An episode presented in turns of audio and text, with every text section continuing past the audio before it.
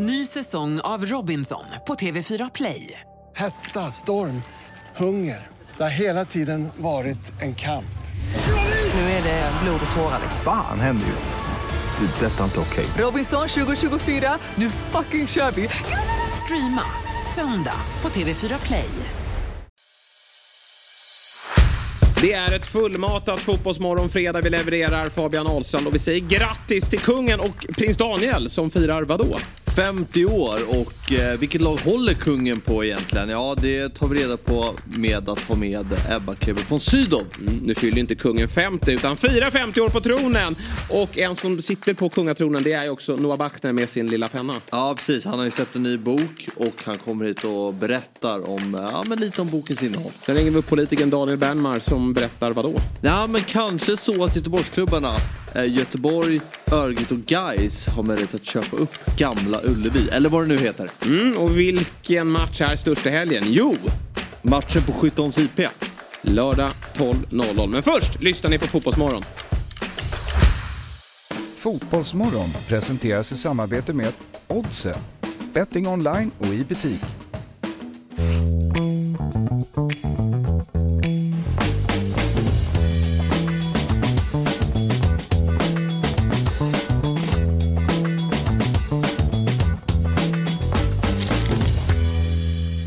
Ja men då säger vi god morgon och varmt välkomna till Fotbollsmorgon fredag. Vi har passerat 300 avsnitt, 303 för att vara exakt. Jag heter Jesper Hoffman och jag sitter här med Stocksunds chefstränare, akademichef Fabian Ahlstrand och mannen som får alla att skratta, nämligen Robin Berglund. God morgon på er. Tjena fan.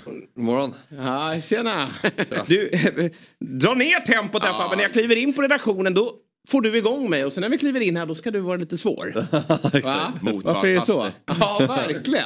Jag trodde liksom vi tillsammans skulle veva igång det här programmet. Men det gör vi inte. Nej. Utan vi tar det lite lugnt då istället. Eh, idag är det fredag den Idag varvar vi ner. 15. Vad sa du? Idag var vi ner. Vi varvar ner. Ja, du sa det här att du går lite på ångorna. Men det är ju faktiskt som så att vi har två timmar framför oss här och nu. Och sen så har vi även ett lördagsprogram imorgon också. Så att eh, vi, vi har mycket kvar att eh, åstadkomma här på Dobb innan vi gör bokslut. Det var mycket ångor kvar i tanken. Ja. Om det här ska funka. Mm. Ja, ja. Och sen är det ju med glädje för i helgen så är klubblagsfotbollen tillbaka. Och landslagsfotbollen är över. Och den är ju verkligen över när det kommer till svensk del. Så att det är ju eh, skönt att vi ska spela vanlig fotboll igen, känner jag. Ja. Kan man eh, skippa landslagsuppehåll? Menar du? Mm, eller det är alltså med Sverige, att så här, vi, vi skiter i Ja landslagsuppehåll. men, Vi spelar ja. allsvenskan istället. Vilken bra idé. Alltså nästa, nästa uppehåll. Ja. Vi tackar nej tack. Vi lämnar tre VO. ja. Och sen så tränar vi på egen ort. Det kanske blir ytterligare ett kapitel i Noahs bok Ja. eh, om eh, eh, Noah Bachner har skrivit boken Den sista utposten. Han gästar oss idag. Och berättar mer om den här. Eh, hur Sverige har gått sin egna väg. Och det skulle vara ytterligare ett steg på den vägen. Mm. Att eh, skita i, i landslagsfotboll. Eh, dissa Fifa. Eftersom eh, vi inte tycker att allting går rätt till Mm. där. Och så spelar vi vår allsvenska här. Håller i våra spelare också som ska iväg till andra landslag. De är inte så framträdande kanske i andra landslag. Så det kanske hade gått. Ja. Fatta vad glada så här, um, vad heter Eddie Howe hade blivit. Isak bara, nej vi har bestämt i Sverige, vi åker inte på landslagsuppehåll. Så jag är all yours. Ja, Du, du tränar, får träna mig om du vill. faktiskt. Eller så kör man lite som i NHL, att det är lockout. Så att de får komma hem. Eh, till, eh, Isak kommer hem till AIK och spelar en match. alltså. Ja, vad häftigt det hade varit. Eh, eh, man, man, just Isak kanske man inte alltid fantiserar. Jo, det kanske man gör eh, i ett längre perspektiv när han ska komma hem. Men jag tänker, hur bra hade Messi varit i allsvenskan och så vidare. Då hade man ju fått lite känna på det. Men det är kul att bara fördela hela svenska landslagstruppen i allsvenskan. Att de får välja en i taget liksom. Mm. Det var kul. Det här var väldigt kul. Vem Men hade du velat ha till Djurgården? Första valet. Första valet? Ja men såklart. Varberg får ju börja, för de är sist. Ja. Just det. Vem tar Varberg? Ja vänta Varberg. Det där är så jävla märkligt. Ja, det... Alltså för den spelaren bara yes, jag får börja i det sämsta laget. Ja, Hinner vi göra en snabb? Ja, vinner jag Ja, snart? eh, Varberg tar Isak. Ja, är det bara svenska gubbar man får välja? Ja, ja. Ja, okej. Landslaget. Vi sa ju det. Just det, Vem okej, som det är vald landslaget. sist. Sen har vi näst sist ligger ju Sirius, vilka tar de? Uff, har vi någon med koppling? Det har vi inte va? Nej men det spelar ingen roll. Nej, vi vill ha de bästa spelarna. Ja, men tar, tar vi... Eh, ja, jag vet. Men det är, det är kul om, om AIK får Isak. Alltså, jag menar få dubbelbetalning då. Ja. Ja, men det, nu har Varberg valt Isak så då Ja, får det- du köra Sirius. är Det är en säsong då, så man ska kunna vinna på att ta äh, äh, heter det, Ekdal. Ja men de tar ku- kulan. Kulan till, till Sirius. Ja. Då tar AIK Victor Nilsson Lindelöf. Okej. Eh, sen har vi, eh, du måste ta fram tabellen. Ja, Fort som- fort som bara den. Sen har vi Degen. Degen. Eh, Degen har vi. De tar... Eh, eh, Degen tar Jens Kajuste. Okej, Kul. Det är lite konstigt val. Men, eh, det är... Han var ju bra mot... eh, Han Jo, var jo, jättebra. men han är lite också så här. Det är ingen ledare som kommer in och skriker till oss. Varför ska man- det då? Ja, men just nu, här och nu i den här krisande Bullshit. situationen. Kör ja, nästa. jag tror Case sitter bänk på slutet. men- Göteborg då? Ja men här tycker jag ändå vi ska ta någon... eh, ser ju bra ut. Mm, Där ja, finns det precis. gott om ledare. Mm, Jag vet inte så de himla ska bra. Ja, eh, eh, ehm, Nej men de tar ju ehm, Jesper Karlsson. Ja, den är fin. Mm, den är fin.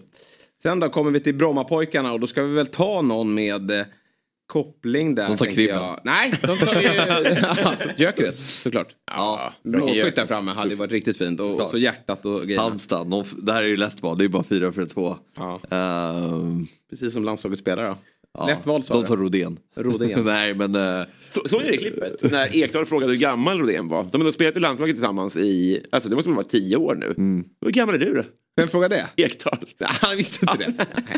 Känslan är att de aldrig har snackat. Nej. Eller hur? Vad är det du De heter? lite, Du är med men du är ändå inte riktigt med. Nej. De tar uh, Albin Ekdal då. De gör det, Halmstad. Ja, kanske. Värnamo. Det är väldigt svårt. Vad, ska jag gå på? tycker ni? Jag, jag går ju mest på de bästa som är kvar. Ja, Måste jag säga. det börjar bli lurigt här. Ja, men de, de, De behöver en ny målvakt. ja, de behöver det. Mm. Ja, men det I klubblagen är ju Robin Olsson tydligen världens sämsta målvakt. Ja, får sitta på bänk i Värnamo. Ja. Ju... Viktor Johansson. Så. Gå före. Ja, Gå exakt. före Olsson. De tar honom innan. Ja, jag tycker att vi skippar Vem den här sist då? Eh, vem blev vald sist i det svenska landslaget? Men är inte Olsson en bra shout? Häcken så tar, ju, eh, häcken tar ju Samuel Gustafsson. Martin Olsson!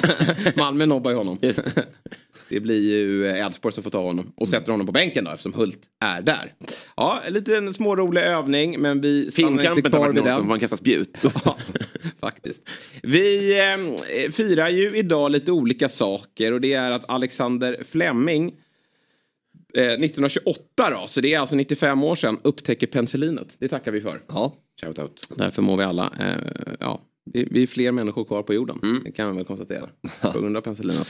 Vi har, eh, det här är ju sensationellt det vi har upptäckt. Ja. Vi, vi har inte läst om det tidigare, vi kan inte vara de första som upptäcker det såklart. Men jag tycker det skrivs för lite om det. Mm. Eh, Karl den 16 Gustav, han firar ju idag eh, 50 år på tronen. Mm. Grattis till dig. Har ni sett eh, SVT-dokumentären eller när de följer honom? Inte helt klar än. Nej. Men Samma. rolig. Ja, den är rolig. Han är lite fabba-aura över kungen. Eller hur? lite, lite flummig och flamsig men, men ändå koll på läget. Håll med om det? Ja men eh, ibland kan det vara att det känns som att man inte får kontakt med honom. Nej. Han bara står. Ja, Det var lite det han menade. Ja jo.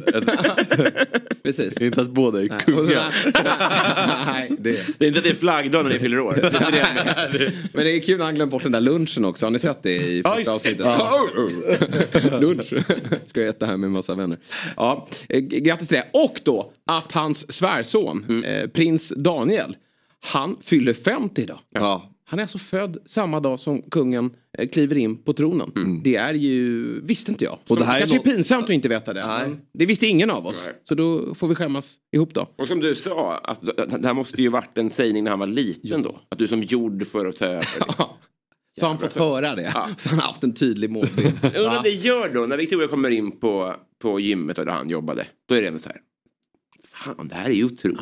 Som det sades när jag var Ja, liten. som mormor alltid har sagt. Ja, nu går jag och visar henne hur man gör curls. Ja. Och så går han hela vägen. Ja.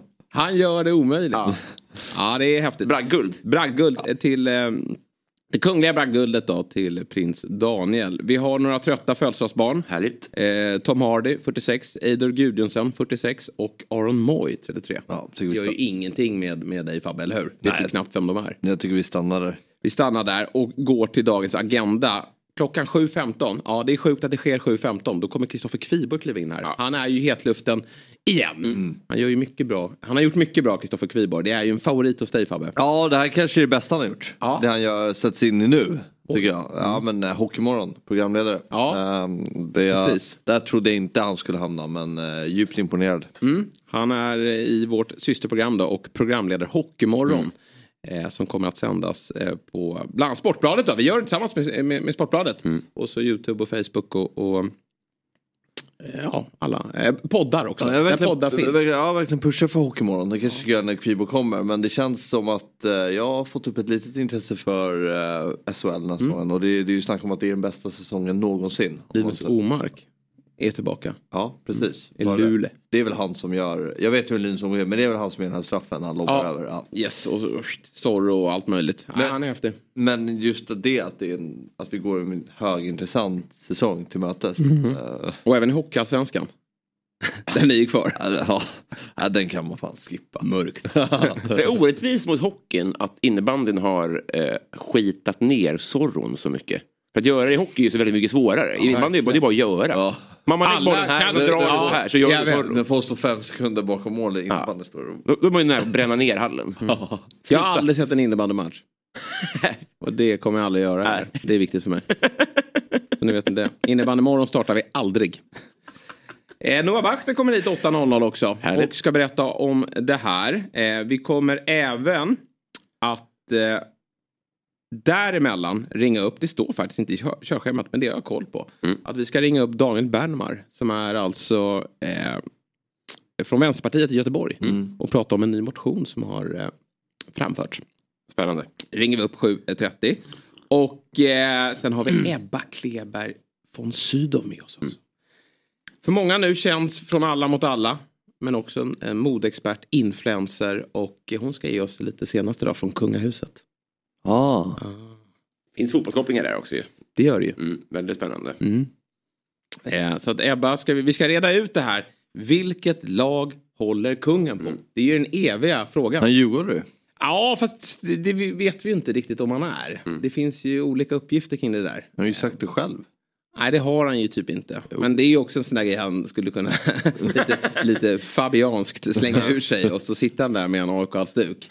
Eh, så det, där, det, det är en svår fråga för Ebba att ta då. Eftersom man inte vet med kungen vad han håller på. Vi vet ju dock Du menar att han tror att AIK är Djurgården? det, det, Så skulle det kunna vara. Råkar halka in på ett ordförandeskap. Ja, precis.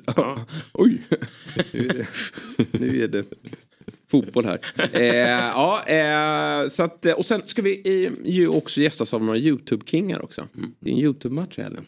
Okej. Där du inte är inbjuden. Nej. Det är ju lite... Varför skulle jag vara det? Ja, jag tycker att du är en YouTube-king. Och du är ju bra på fotboll. Du kanske är för bra eh, på fotboll då. Men det är eh, mer om det då, 8.30. När vi ska prata upp helgens stora YouTube-match. Det är inte bara klubblagsfotbollen som är igång igen. Utan YouTube-matcherna börjar spelas. Så ni hör ju, det är ju mycket att ta tag i. Och vi har ju även lite headlines eh, den här morgonen. Och eh, jag vet inte hur, eh, du har ju koll på det för du lyssnar ju på Big Six och du följer Premier League, du följer ju inte internationell fotboll lika mycket gör Fabian. Du kanske gör det nu och då är det bra för att eh, Jadon Sancho, han har ju fått reda på nu att han inte får träna längre med eh, A-laget. eh, I Manchester United utan han får träna med juniorerna här nu framöver på grund av disciplinära skäl. De, det var ju som så att innan eh, matchen, innan eh, landslagsuppehållet så mötte man Arsenal. Och där dök inte Sancho upp i matchtruppen. För att han inte har skött sig på träningarna, säger Ten Hag. Och eh, han var ute direkt därefter, Sancho, och hävdade att det här inte stämmer, att han sköter sig men att han inte eh, får, ändå får vara en del av, av eh, truppen då. Och det här har slutat då med att... Det var väldigt förvirrande för Sancho skrev så här, tro inte på allt du läser på internet. Men Nej. skriv det inte på internet då, för då är det att tro på det du säger. Bra. Bra poäng. Men han, eh, det här slutar med att United på nytt då har problem med eh, disciplinen i klubben. Vi har ju soppan gällande Ronaldo förra hösten. Eh, vi har eh, Mason Greenwood. Mm. Kan vi verkligen prata om disciplinära problem. Han har ju dock lämnat nu då, utlånat till Getafe. Vi har Är det ni som pratar om det? Att det var att mycket av PR-grejerna och att det är orkestrerat av Manchester United kanske? Det var inte vi. Nej. Men varför tror man det då? Nej, Alltså att de vill liksom glorifiera och göra den här, eh, så, de gjorde ju filmer och sånt där. Ehm, mo- mottagandet och sånt där. Och att det, det är Manchester United som vill göra allt de kan för att slipa bort eh, de här eh, brottsanklagelserna så att han sen på ett så smidigt sätt som möjligt kan komma tillbaka efter ett år. Mm. Ingen aning. Nej. Det kanske är så. Mm. Och det är väl deras, jag tror inte United ger upp den satsningen. Eh, Men däremot får vi se vad som händer med den här satsningen då. Man har alltså lagt 180 miljoner euro på Anthony och Sancho. Och det har ju varit eh, hopplöst uselt eh, när det kommer till det sportsliga. Och nu även då till disciplinen. Eh, vi kan väl eh, nämna, eller prata lite mer om det då med vår eh, gäst då som har klivit in i studion. Han är numera aktuell då när det kommer till eh, hockeyn. Eftersom då vi har eh, dragit igång vårt systerprogram igen då och kommer att sändas varje tisdag och fredag under hösten. Pratar givetvis då om Hockeymorgon. Eh, och han som ska leda hela showen det är ingen mindre än mannen som fick kärringarna att svimma på Gran Canarias gator. Kristoffer Kviborg, varmt välkommen Tack, hit. vilken presentation. Ja, eh, såklart. Mm. Du, vi får börja med det här med att du är på plats då. Du kliver in på redaktionen 6.50. För mig som har känt dig i eh, över 15 år och vet ju om dina eh, tidigare rutiner. Mm. eh, Där det sällan lämnades eh, säng eh, innan klockan 10.00. 10 var snällt, det var nog snarare 13.00. Ja, det kanske var så. Ja. Mm, det var ett annat liv sen. det var så kallat ett annat liv. Och jag tror att alla kan ana vad som har hänt då, hemma hos familjen Kviborg det senaste året. Ja men precis, jag har fått barn. Va? Så att det, det vare sig jag vill det eller inte så blir det ju ändå att man får gå upp där vid, vid halv sex snåret. Så att eh, nu är det ett nytt liv. Eh, men eh, folk är ju chockade, det märker jag ju. Ja, Ja, Jag har ju fått förklara att jag är ju faktiskt gammal eh, förvärvsarbetare. Jag jobbade ju nattskiftet på Arlanda i några år så att jag, jag har ändå i mig. Ja, snyggt. Och eh, nu ska du alltså upp och studsa eh, tisdag och fredagar klockan 8.00 och leda Hockeymorgon. Och hockey är ju, fotbollen vet jag är ju väldigt nära hjärtat men, men eh, hockeyn har du också genom alla år följt. Ja men jag undrar om inte det där kan vara lite generationsfråga. Du är väl född som mig va? 85 va? Och då kanske du minns ändå att Stockholm där tidigt 90-tal när man var 7-8 bast och började bli idrottsintresserad. Då var hockeyn den var ju fan nästan större än fotbollen. Absolut. Eh, så att det var ju det var väldigt mycket hockeysnack. Eh, man samlade ju på hockeykort eh, som var väldigt etablerat. Eh, Så att jag hamnade väldigt tidigt på eh, ja, men både på Globen och eh, Hovet och det var nog egentligen min första kontakt med mitt liksom AIK-supporterskap. Det Mm. var via hockeyn. Sen är ju fotbollen mera lättillgänglig och i Stockholm så är ju hockeyn väldigt undersatt tyvärr. Det var ju på sin höjd att man kunde eh, lira lite hockeybockey på Vasaparken liksom. Och, eh, och då var det att vet, någon snäll vaktis hade slangat lite där och sen så rätt vad det var så körde man in en jordhög och, och liksom slog ut åtta tänder typ. Det var ungefär liksom den kontakten man hade. Eh, Zinken fanns väl också men då fick man ju liksom dela med vet, folk som åkte eh, längdfärdsskridskor och det var ju livsfarligt liksom. Eh, Så att det, där har ju Stockholm alltså, Vilket ju nu syns problem. då i, i tabellen. Det syns Som ju. inte har Ja, några syns, ja. Stockholmslag vilket är ju lite eh, deppigt på så sätt. Men SHL är ju ändå glödhett. Eh, Många beskriver den som den bästa upplagan på väldigt länge. Eller Fabbe gjorde det i alla fall. Ja, precis. Ja. Är det så? Ja, nej men alltså om du ser till hemvändarna så, så är ju SHL väldigt hett. Det har ju varit rätt bra senaste åren. Det ser man ju också på publiksiffrorna. Det är eh, till och med lockat mer faktiskt än vad allsvenskan har gjort. På grund av att det är såklart är fler matcher. Men det var ju uppemot om det var 2,3 miljoner då som besökte en hockeymatch i fjol. Så att eh, det, är- det är väldigt starka papper med tanke på då att både AIK och Djurgården eh, harvar vidare då nere i Hockeyallsvenskan. Så att eh, det finns ju också potential för att det ska bli ännu större och bättre. Liksom. Görs det hockeybilder? Men vi snackar ju lite om det. Jag, jag är uppvuxen här eh, runt krokarna i Vasastan och eh, vi hängde ju alltid i en eh, butik på Västmanagatan som jag tror den hette Upper Deck. som, som sålde eh, hockeykort. Så att vi var ju många i, liksom, i mitt gäng som, vi hade ju flera tusen kort ju. Eh, Så jag ser om jag kan gräva fram dem någonstans. Jag samlade ju på eh, min första idol överlag. eh, var ju en hockeyspelare från Boston som heter Ray Bork. Så att jag 77. hade typ 100 kort med, med Ray Bork. Så att det var liksom min, så här, min första gubbe som jag började följa. Och det följde med mig sen ja, men hela vägen. Ja. Ja, Ray Bork, 77 eller hur? Ja precis. Och det är därför Precis. jag har- ofta har nummer 77. Ja, nu var det väl typ åtta Vadå år sedan jag 77? spelade en fotbollsmatch. Han hade det på ryggen. Mm. Ja, okej. Du var född 77? Ja, det ju- ja, 77, du var 412 va? Ja, exakt. Nej, han var ju en, eh, 77 och du hade det då. Det är tur att du inte har spelat på, på högre nivå för då hade du ju blivit eh, hatad bland, bland Ja, supportrar. Ett sånt eh, hockeynummer får man inte ha på ryggen. Men visst har det också blivit så, jag tänkte lite på det när jag visste att jag skulle komma hit, just att det har blivit lite det där att det blir lite fotbollen versus hockey i Stockholm. Att För mig känns det som att det är rätt polariserat. Att, att man typ ska välja. Varför ska man välja för? Varför kan man inte förfölja båda? Sen köper jag det här med att ja, när fotbollsallsvenskan tar slut i november då kopplar man på liksom eh, hockeyintresset. Men det, det känns som att det är en konstig debatt där. Att man så här, nästan gör en grej av att jag kan inte en spelare i, i, i laget. Liksom. Det, det där är tönteri liksom. Det är ändå två otroligt stora sporter. liksom. Absolut, ja nej jag fattar fullt ut. Det är väl bara att man tidsmässigt har svårt och i och med att man ser så mycket internationell fotboll när man var mindre då var det ju bara det inhemska. Eh, Och jag började också med hockeyn. Var ju väldigt ofta på, på Globen. Hockeyn var lättare att ta, ta sig till också. Fotbollen eh, var ju inte lika stort heller. Det var inte alls lika många på plats. Men, men sen vände det där slutet 90-tal och, och då fastnade jag eh, väldigt mycket för, för fotbollen. Eh, Men eh, hockeyn står sig starkt då och eh, ni sänder alltså 8.00 till 9.00. Mm. Nej, Det får räcka med en timme än så länge. Ja, Mm. precis. Får vi se vad, Får vi se om vi steppar upp eller inte. Men eh, två eh, avsnitt i veckan till att börja med. Eh, ja, men här på Dobb såklart. Och med Sportbladets eh, väldigt tunga reportrar när det kommer till hockey.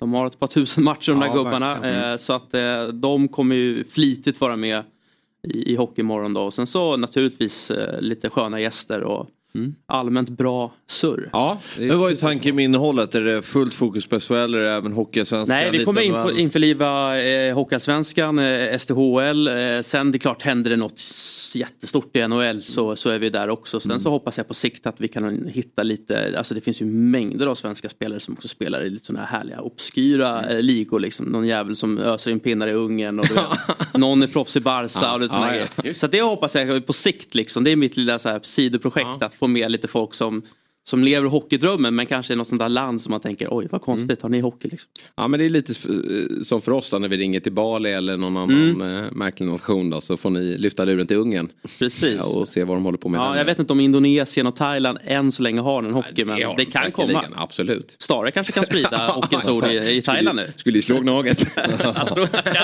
det vet man. Polska Eh, försäsongen mot HC Bangkok.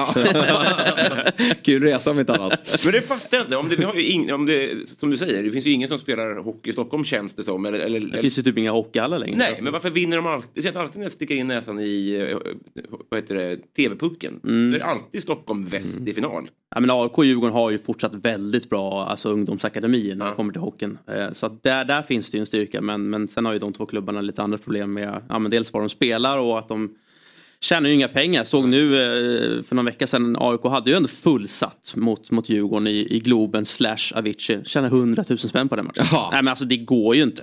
det, det, är säger sig självt. faktiskt. Samtidigt sitter liksom Färjestad med ett kapital på 150 miljoner. Ja. De säljer ju bira för liksom 2 miljoner varje match och det är ju pengar Sälja rätt arenan till i... kommunen och, och, och, Ja, nej, och sen får den tillbaka. Det måste ju till, om vi pratar AIK och Djurgården, så måste det till att, eh, att de börjar ägna, äga sina egna arrangemang då. Mm. Eh, och för AIKs del, Djurgården är ju mer förankrat med Tele2 och Mm. alltså de är vana att åka dit men AIK måste bygga någonting i ja, Mm. Ritorp. Det var ju snack att bygga bredvid Friends Arena. En sån lösning måste ju till om det ska hända någonting. Mm. Annars så tror jag vi kommer få se AIK och Djurgården rätt länge alltså i, i Hockeyallsvenskan. Ja, mörka tider för eh, Stockholms eh, Mm. då. Men när vi ändå har det här så har vi ju också fotbollsexpertis. På tal om mörka tider. Ja, på tal om mörka Eller du tider då. Du, du AIK? följer ju många ligor men, men allsvenska slutspurten här då. Mm. Om du får ge din syn på både botten och, och, och toppstrid, vad, vad, vad tänker du? Men jag, jag tycker nog att eh, det laget med störst eh, höjd om vi nu tar toppstriden är Elfsborg. Eh, och kan väl smyga lite jämförelse då med Häcken och Malmö som ändå har ett större favoritskap på sig. Häcken med Europaspelet och Malmö ja, eviga favoriter med sitt kapital. Så, så tror jag nog att det är bra, bra smygläge för Elfsborg. Så jag säger att Elfsborg vinner. Eh, ur, ja, Varberg naturligtvis. Eh, sen, ja, sen är det tufft alltså. Jag, jag vill ju inte säga det men jag får ju 04-vibbar av AIK. Just att insikten är, nej men den är inte riktigt på plats. Nu tror jag väl att det kanske blir en kvalplats då för AIK. Eh, och att eh, ja, Sirius eventuellt. De har väl ett rätt tufft schema också. Ja, BP ska ju sägas också. BP har ett väldigt- De har det tuffaste Ja. schemat. Sen har ju de lite buffert ner. Det är väl Mm. nästan sex poäng ner till Sirius. Vilket man ändå får säga är en, en, ett bra försprång. Ja, men Blåvitt är ju för bra. De, Ja. de har ju träffat rätt. Ja, Spelar jag ju inte, räknar inte bort Blåvitt. Det kan man inte göra. Det, nej, jag räknar inte bort dem. Jag tycker Nej. också att de ser bra ut. Men det är en viktig match till helgen då mot eh, BP. Den eh, matchen tror jag avgör mycket. Och sen ja, men, så här, Degerfors drag med att liksom berätta redan nu att man inte ska förlänga med tränarna. Alltså, det kan ju bli någon sån här omvänd grej. Att så här, nu jävlar ska vi liksom ge de här att de ska klara sig ett år till. Eh, och Degen, så här, de, de vinner ju på hemmaplan. Mm. Eh, men det är klart AIK och Degerfors, det blir ju helt, helt avgörande. Men alltså så här, nej, ja, jag tror AIK kommer klara sig kvar. Men Mm. det kommer inte bli så fullt så enkelt som många tror. Nej. Du är ju fortfarande inne på Göteborgsspåret där. Ur med dem. Nej. Nej. Nej, men jag tror inte att det är så. Folk räknar verkligen bort dem. Men en, två förluster så kan de vara nere på nedflyttningsplats. Mm. S- och eh, jag vet inte hur kom det här uppehållet för dem. Nu börjar man om och det är så här, Mm. Blåvitt AIK också, omgång 29. Det, det, det, det, vi kan ju säga så här, om alltså AIK måste nog nästan vara matematiskt säkrade inför en sån match. De åker aldrig ner och vinner den. Nej, Göteborg känns ju mer avslappnad i den här tiden. Ja. Eh, AIK har ju fortfarande haft Men det kan året. också, det, jag menar, det kan vända snabbt. AIK kändes avslappnade Ja, ja. för Nej men det eh, är sju ju, omgångar verkligen. Det går, Så. ja ja, men vi måste ju få spekulera. Men det kan ju bli en Jo. häftig avslutning på säsongen då. Eh, både i topp och botten då eftersom alla lagen ska mötas just i slutet också. Mm. Vi har ju AIK och Värnamo i sista matchen där. Vi har Göteborg-Varberg. då är väl Varberg ur Ja. såklart. Och så dessförinnan då möts AIK och Göteborg. Nej, men det är ju många lag. Alltså, så här, du har haft eh, HBK också med en rätt taskig trend. Så att, menar, det, det, är ju, det avgörs ju mycket på, på höstformen såklart. Ja. Spännande blir det då. Spanien då, La Liga som du kommenterar eh, hos eh, TV4 Play va? Ja, nu är det typ fyra. Ja, det, det känns som att de byter namn där varannan vecka. De gör ju det. Vad eh, Real Madrid, Bellingham-feber får man väl säga att det är. Ja, det är inte sen 60-talet har en spelare fått en sån bra start Mm. som han har fått. Vem var det då? Ja, det var ju någon av de här gamla. Det var inte den här liksom, du vet, Stefano. Stefano. eller, eller Puskas. Men nå- någon av de här gamla klassiska spanjorerna. Ja, Agne var i och för sig rätt bra. Ja. Eh, men eh, han har ju tagit hela landet med storm. Otroligt Alltså start. vilken spelare. Ja. Eh, helt sjukt. och eh, jäkligt bra tror jag också att, alltså så här, ofta när spanska lag värvar direkt från England, då blir det inte jätte, jättebra. Nu är, har ju inte de övergångarna skett jätteofta. Men just när man tar de här engelska superspelarna som har varit något år eller två utanför England och sen via typ då Tyskland till Spanien. Då, då sitter det. Jag slänger ut det men han kommer väl bli bäst i världen. Ja, Han kommer ju vara med, tror jag, med de andra två eh, herrarna. Ja, eh, det kommer vara de tre, tror jag. Eh, men det är klart, alltså, gör han, Han så, här, gör han så här mycket mål eh, från en mittfältsposition, då, då ligger han ju bra till. Så är det ju. Man kan ju inte bara hävda ur sig att han är bäst av de där tre. Det är ju, Mbappé är ju helt otrolig på, på det Ja. han gör och, och Haaland är ganska bra på det han gör. Sen fattar jag att folk så här, och vad Det är är en- Haaland i övriga spelet liksom, men, men det, hans roll är ju att göra mål och det är han ju ganska bra på. Ja, det är han ju jäkligt bra Ja, och Bellingham är en central mittfältare som, som pumpar från Sen ser ju, alltså, det är klart, det är de gamla, två gamla vanliga Real och Barca, men sen ser ju Atletico eh, spännande ut det. igen. Ja. Eh, har ju blivit av med Felix, vilket jag inte alls tror är eh, dåligt för deras del. Eh, för att han var ju tvungen att spela med den prislappen och passade ju inte in alls i, hans, eh, i Simeones fotboll. Bra lag.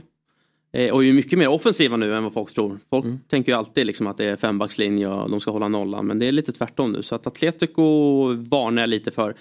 Barca, alltså det är mycket som talar för att de inte kommer lyckas den här säsongen. Dels för att de inte får spela på Camp Nou i rätt många år. Eh, och, eh, alltså, de har ju sålt typ 13 000 årskort. Så folk vill inte gå och se fotboll på Espanyols gamla... ja, Montjuic, mm. Olympiastadion. Olympiastadion.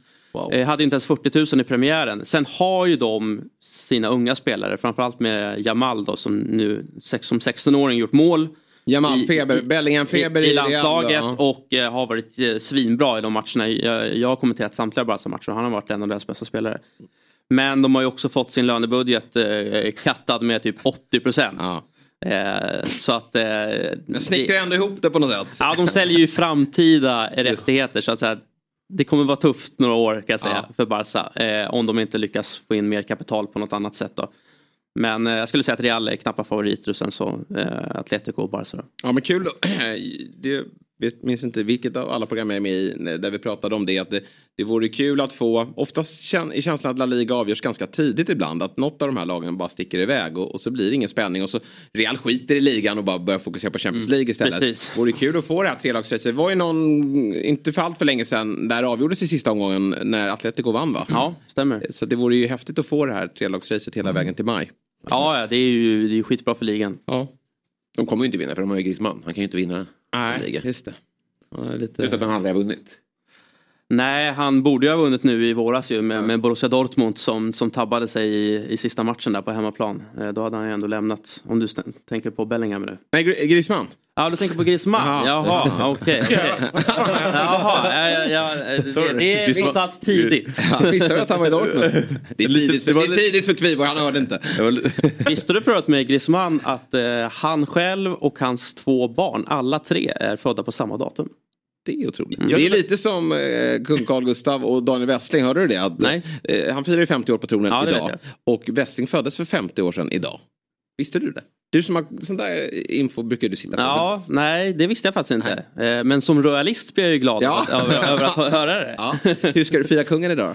Jag vet inte. Eh, kanske med att eh, säga, säga något fel i Hockeymorgon. Ja. En hyllning till, det är därför jag gillar kungen. Ja. För att det är lite så här Ja, men vi har ju ofrivilligt. konstaterat det att han är ju som Fabbe. Bra jämförelse. Eller hur? Ja. Det är väldigt många Kan man se Fabbe med spira och krona framför sig? Ja, det är Ja. absolut. Ja, men han är fin, grattis kungen. Ja, eh, vi säger grattis till kungen. Och så tackar vi dig då. Nu ska du få ut och käka puck här för att eh, det börjar ju här om en halvtimme. Ja, det, det Vilka vinner SHL? Eh, alltså jag får väl sticka ut hakan då och säga att det blir eh, Rögle. Bra. Jag tror Färjestad vinner. Röglas. Det är, man, man, man känner att man inte är påläst. Bäst tryck i Sverige. Ja, men det- se, vill ni se ja, hockey, åk till Ängelholm. Ja.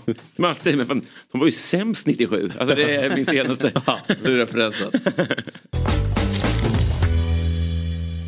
Hej! Jesper Hoffman från Dobb här. Jag vill tipsa om att FBL Sverige nu finns som podcast helt fritt där poddar finns. Vi spelar in ett nytt avsnitt varje vecka inför den kommande gameweeken med våra bästa råd hur du ska lyckas som manager. Så när du har lyssnat klart på Fotbollsmorgon och vill höra mer om Fantasy Premier League så finns FBL Sverige helt fritt där poddar finns. Nytt avsnitt varje tisdag. Dagens avsnitt görs i samarbete med Telia som gör det möjligt att samla alla dina favoritsporter på ett och samma ställe. Följ bland annat Premier League, Champions League, seriespelet i SHL och slutspurten i Allsvenskan. I Telia Play-appen sänds alla matcher live men går också att se i efterhand. För 649 kronor i månaden får du dessutom tillgång till film och serieutbudet inte bara hos Telia men också hos Viaplay, TV4 Play och HBO Max utan extra kostnad. Så, att samla sporten smartare och dessutom få en massa extra på köpet, det är Telia. För nu då så är det som så att vi har med oss dagens första gäst på länk. Just det. Det är skillnad på att ha i studion och på länk. Det är du med på va Fabbe? Eh, I eh, fotbollsklubbarna IFK Göteborg, ÖIS och Gais bör få köpa Gamla Ullevi. I alla fall om man ska lyssna på Demokraternas motion som igår lämnats in för att se över möjligheterna och, och intresset hos klubbarna. Och eh, då undrar ju vi såklart hur realistiskt det här är. Eh, vad säger styret i staden om saken? Och därför så låter vi oss ta ett snack då med mannen eh, och partiet som är ansvarig för arenafrågan. Nämligen eh, Daniel Bernmar och Vänsterpartiet. Så vi säger god morgon och varmt välkommen till Fotbollsmorgon. God morgon, god morgon och tack så mycket. Du, innan vi går in på det här med arenafrågan så måste vi reda ut det här med ditt efternamn. Bernmar, eh, ett namn som ger respekt i IFK Göteborg-kretsar. Eh, berätta, vad är, din vad är din relation till IFK Göteborgs tidigare klubbdirektör Anders Bernmar? Det var ju min morfar eh, som, är, som var Anders. Så jag är, Ja. Som barn så har jag haft förmånen att växa upp med en morfar som, som har betytt mycket för eh, fotbollssverige och framförallt för fotbolls-Göteborg. Då. Ja, och han verkade väl där när Göteborg var som bäst? Ja, det var precis det han gjorde hela, under 80-talet och under Uefa-cupsegrarna. Ja, nej, men så är det. Och du följer Göteborg med, med eh, stort hjärta, antar jag då? Jag är ju naturligt född ängel såklart eftersom jag är Ja. född på, åt- i början av 80-talet. Så att, eh, absolut. Ja. Vad är det som eh, saknas för att ni ska vara lika framgångsrika som när morfar styrde klubben? Oj. Nu, nu, sätter du in en kniv här i hjärtat. Det är tyvärr väldigt, väldigt mycket. Ja. Men, eh, men nu, nu, nu, nu är det så här. Va? Nu är vi superglada att vi ska möta BP i helgen och att det är stor sannolikhet att vi tar hem den matchen. Och, och sen eh, tar vi ett djupt andetag och funderar över väldigt mycket. För det, det, jag tror att det finns mycket att fundera över. Det finns mycket att fundera över hur vi har eh, rekryterat spelare de senaste åren. Jag tror det finns supermycket att diskutera om hur det fungerar idag på Kamratgården. Jag tror det finns mycket, mycket annat att, att diskutera. Jag tänker, jag hoppas att Jens och Håkan och alla de eh, verkligen, verkligen tar sig en djup funderare efter den här säsongen om vad det är Blåvitt ska åstadkomma och vilket lag Blåvitt är. Mm. Det tror jag.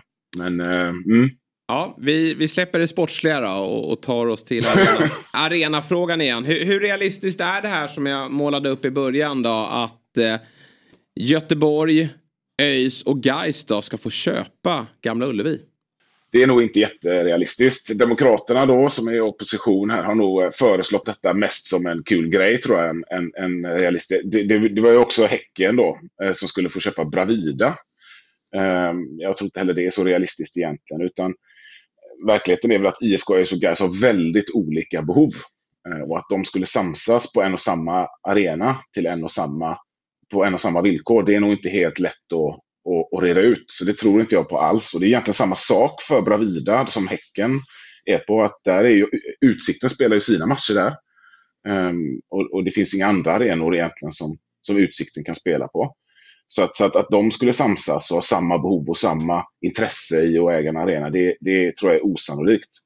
Så att jag, jag, ska vara ärlig och säga att jag tror att det, det är osannolikt dels utifrån de behov som de här fem föreningarna blir det då, har.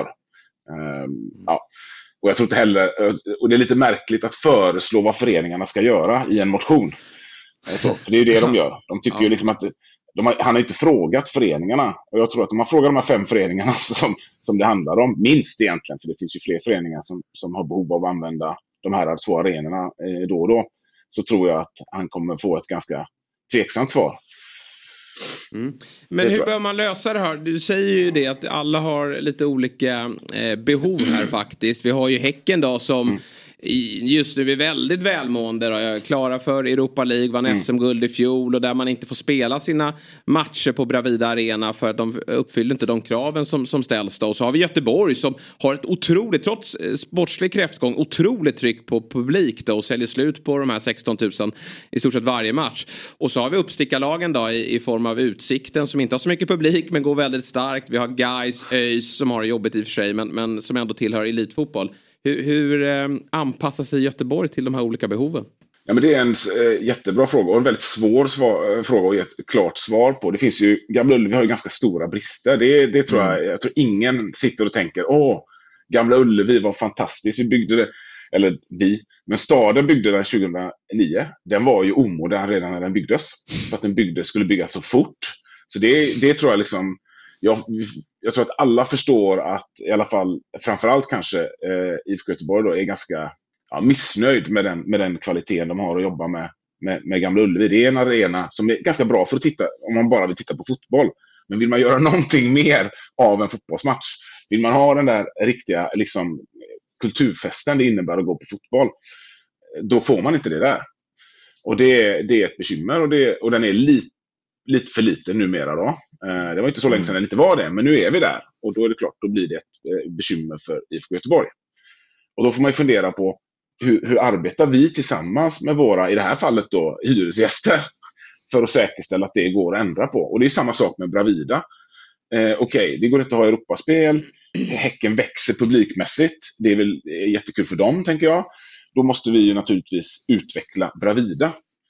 Eh, och, då, och det är ju det, det är det vi tittar på nu. Och då ligger Bravida först i, först i linjen. Alltså, hur, kan vi få, hur kan vi bygga ut Bravida? Hur kan vi skapa en arena som lever upp till de krav som Europafotbollen har, men också de, de krav som en växande publikskara eh, Häckeniter har. Så, att, så att då, då, då, arbetar vi ju tillsammans med de lagen för att skapa de förutsättningarna. Sen kan man tycka att kommunen är långsam ibland, mm. men fördelen med kommunen är att vi har stora eh, ekonomiska muskler och möjlighet att tänka långsiktigt. Och det har inte alltid våra föreningar på grund av den ekonomiska verklighet de lever i. Eh, och då tror jag att det bästa är ett samarbete eh, för att utvecklas framåt mm. tillsammans. Är Häcken den klubb som har störst behov av en ny arena-situation? Eh, då, störst. Nu, nu, jag vill inte ställa olika sorters behov mot varandra. Nu, jag är trots allt... Eh, ja, jag vet, men jag är trots allt eh, politiker här. Eh, och lite känsligt är det ju alltid när man diskuterar olika fotbollsklubbar. Men det är självklart så, så har Häcken ett stort behov av en förändring.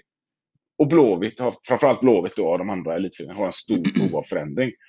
Eh, och av olika skäl så har behovet eh, för Bravida eh, väckts tidigare. Alltså det har varit enklare att se att ja, men här kommer vi behöva, eh, den kommer behöva växa. Eh, Medan det har gått, ja, det har kanske slagits lite mer, eh, lite senare av hur stort behovet är för förändring på, på Gamla Ullevi. Då.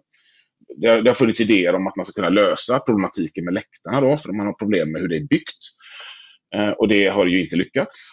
Och, och, och det andra problemet är att det är en väldigt barskrapad arena. Det är ett arenarum och det, that's it liksom. Uh, och, och de två problemen måste vi på ett eller annat sätt möta framöver. Då. Men vad tänkte man när man byggde den där arenan? Eh, på riktigt? Mycket. Bravida arena. Ja, på- Bygga en arena för 5-6 tusen. Eh, Den har inte stått, i- det var åtta år sedan, sju år sedan. Ja, alltså, båda de här arenorna är ju ganska, eh, om vi ska vara ärliga då, ganska nya. Eh, och, eh, lycklig, eller lyckligtvis höll jag på att säga, men eh, jag var inte med på den tiden. Det är till- tillräckligt länge sedan för att Någon vara i släkten var väl det? Ja. jag, Nej, men jag, jag, hann, jag, hann, jag tillträdde samtidigt som man skulle inviga Bravida. Och, och, och, eh, och jag tror att man ville ha ett kostnadseffektivt alternativ i första hand. Mm. Som man byggde för de kraven eh, som man hade för allsvenskan. Det- det- Och inte tänkte inte i, fram, i, i framtiden. Eh, kommunen har ju alltid liksom, eh, mycket saker de ska lägga pengar på. Och då, då är det ofta så att man bygger det man behöver här och nu. Och så tänker man inte på vad behöver vi om tio år. Eh, och, och både Gamla Ullevi och Bravida är byggda på det sättet. Och, och förhoppningsvis så lär vi oss av de här två misstagen. Man kan inte bygga på det sättet. Man måste tänka, eh, hur, ser, hur ser verkligheten ut om tio år? Om Häcke blir ett topplag, vad blir konsekvenserna av det? Mm. Om publiksnittet går upp, eh, som det såg ut på slutet av 80-talet, hur, vad händer då? Så, man måste tänka in de här sakerna och det gjorde man inte. Eh, man tänkte kortsiktigt och det misstaget tycker jag att vi inte ska göra om. Nej. Mm. Du, nya Ullevi då? Den bara står där i känslan. Alltså, den har stått där sedan 95. Jag vet att det är lite konserter och Brucean är där och, och, och Hellström kör. Men, men eh, kan man inte fixa den där arenan? Alltså, det var ju ett tag sedan Edwards tog sitt världsrekord där. Går det inte att slimma den där på något sätt och möta, möta allas behov? Men nu tittar, du, nu tittar du lite snävt ur ett idrottsperspektiv vill jag ändå Ja, säga. Jo, okej. För, för, för, och vifta bort Brucean lite sådär va? Nej, jag och det, fattar, det jag kan man men- inte riktigt Ja, göra. Nej, jag, jag hajar det. Jag, jag förstår det också. Men, men hur gör vi den mer idrottskompatibel då? Ja, det är ju ett, eh, det är ju ett bekymmer. Fotbollskompatibel blir Ja. den nog aldrig riktigt. För Nej. att det skulle krävas ganska omfattande investeringar för att göra den till en bra fotbollsarena. Och jag, jag tror, jag, min, min uppfattning är att det tror jag vi ska lämna därhän, ärligt talat. Eh, Vi kommer ha löparbanor, vi kommer ha bekymmer med, med, med den arenan på ett sätt som gör att den nog all, ja, inte, det är inte värt att göra den till en bra fotbollsarena. Utan då är det bättre att utveckla Gamla Ullevi, utveckla Bravida och göra dem till två eli- elitarenor som, som fungerar. Både för det runt fotbollen och det och för i själva arenarummet och fotbollen. Och, Det fin- och det finns ytor runt omkring där. Det finns ytor runt omkring så det är verkligen en, en möjlig plan att kunna bygga ut dem och utveckla dem.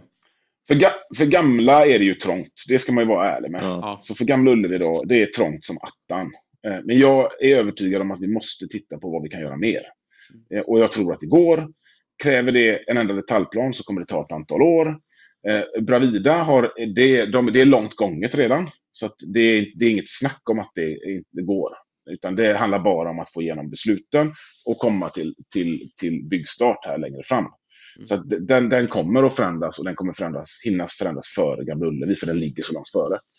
Eh, Men, men, men vi måste hitta ett sätt att arbeta med, med det rum vi har eh, runt Gamla Ullevi, även om det är trångt. Det, det är bara att vara ärlig med det.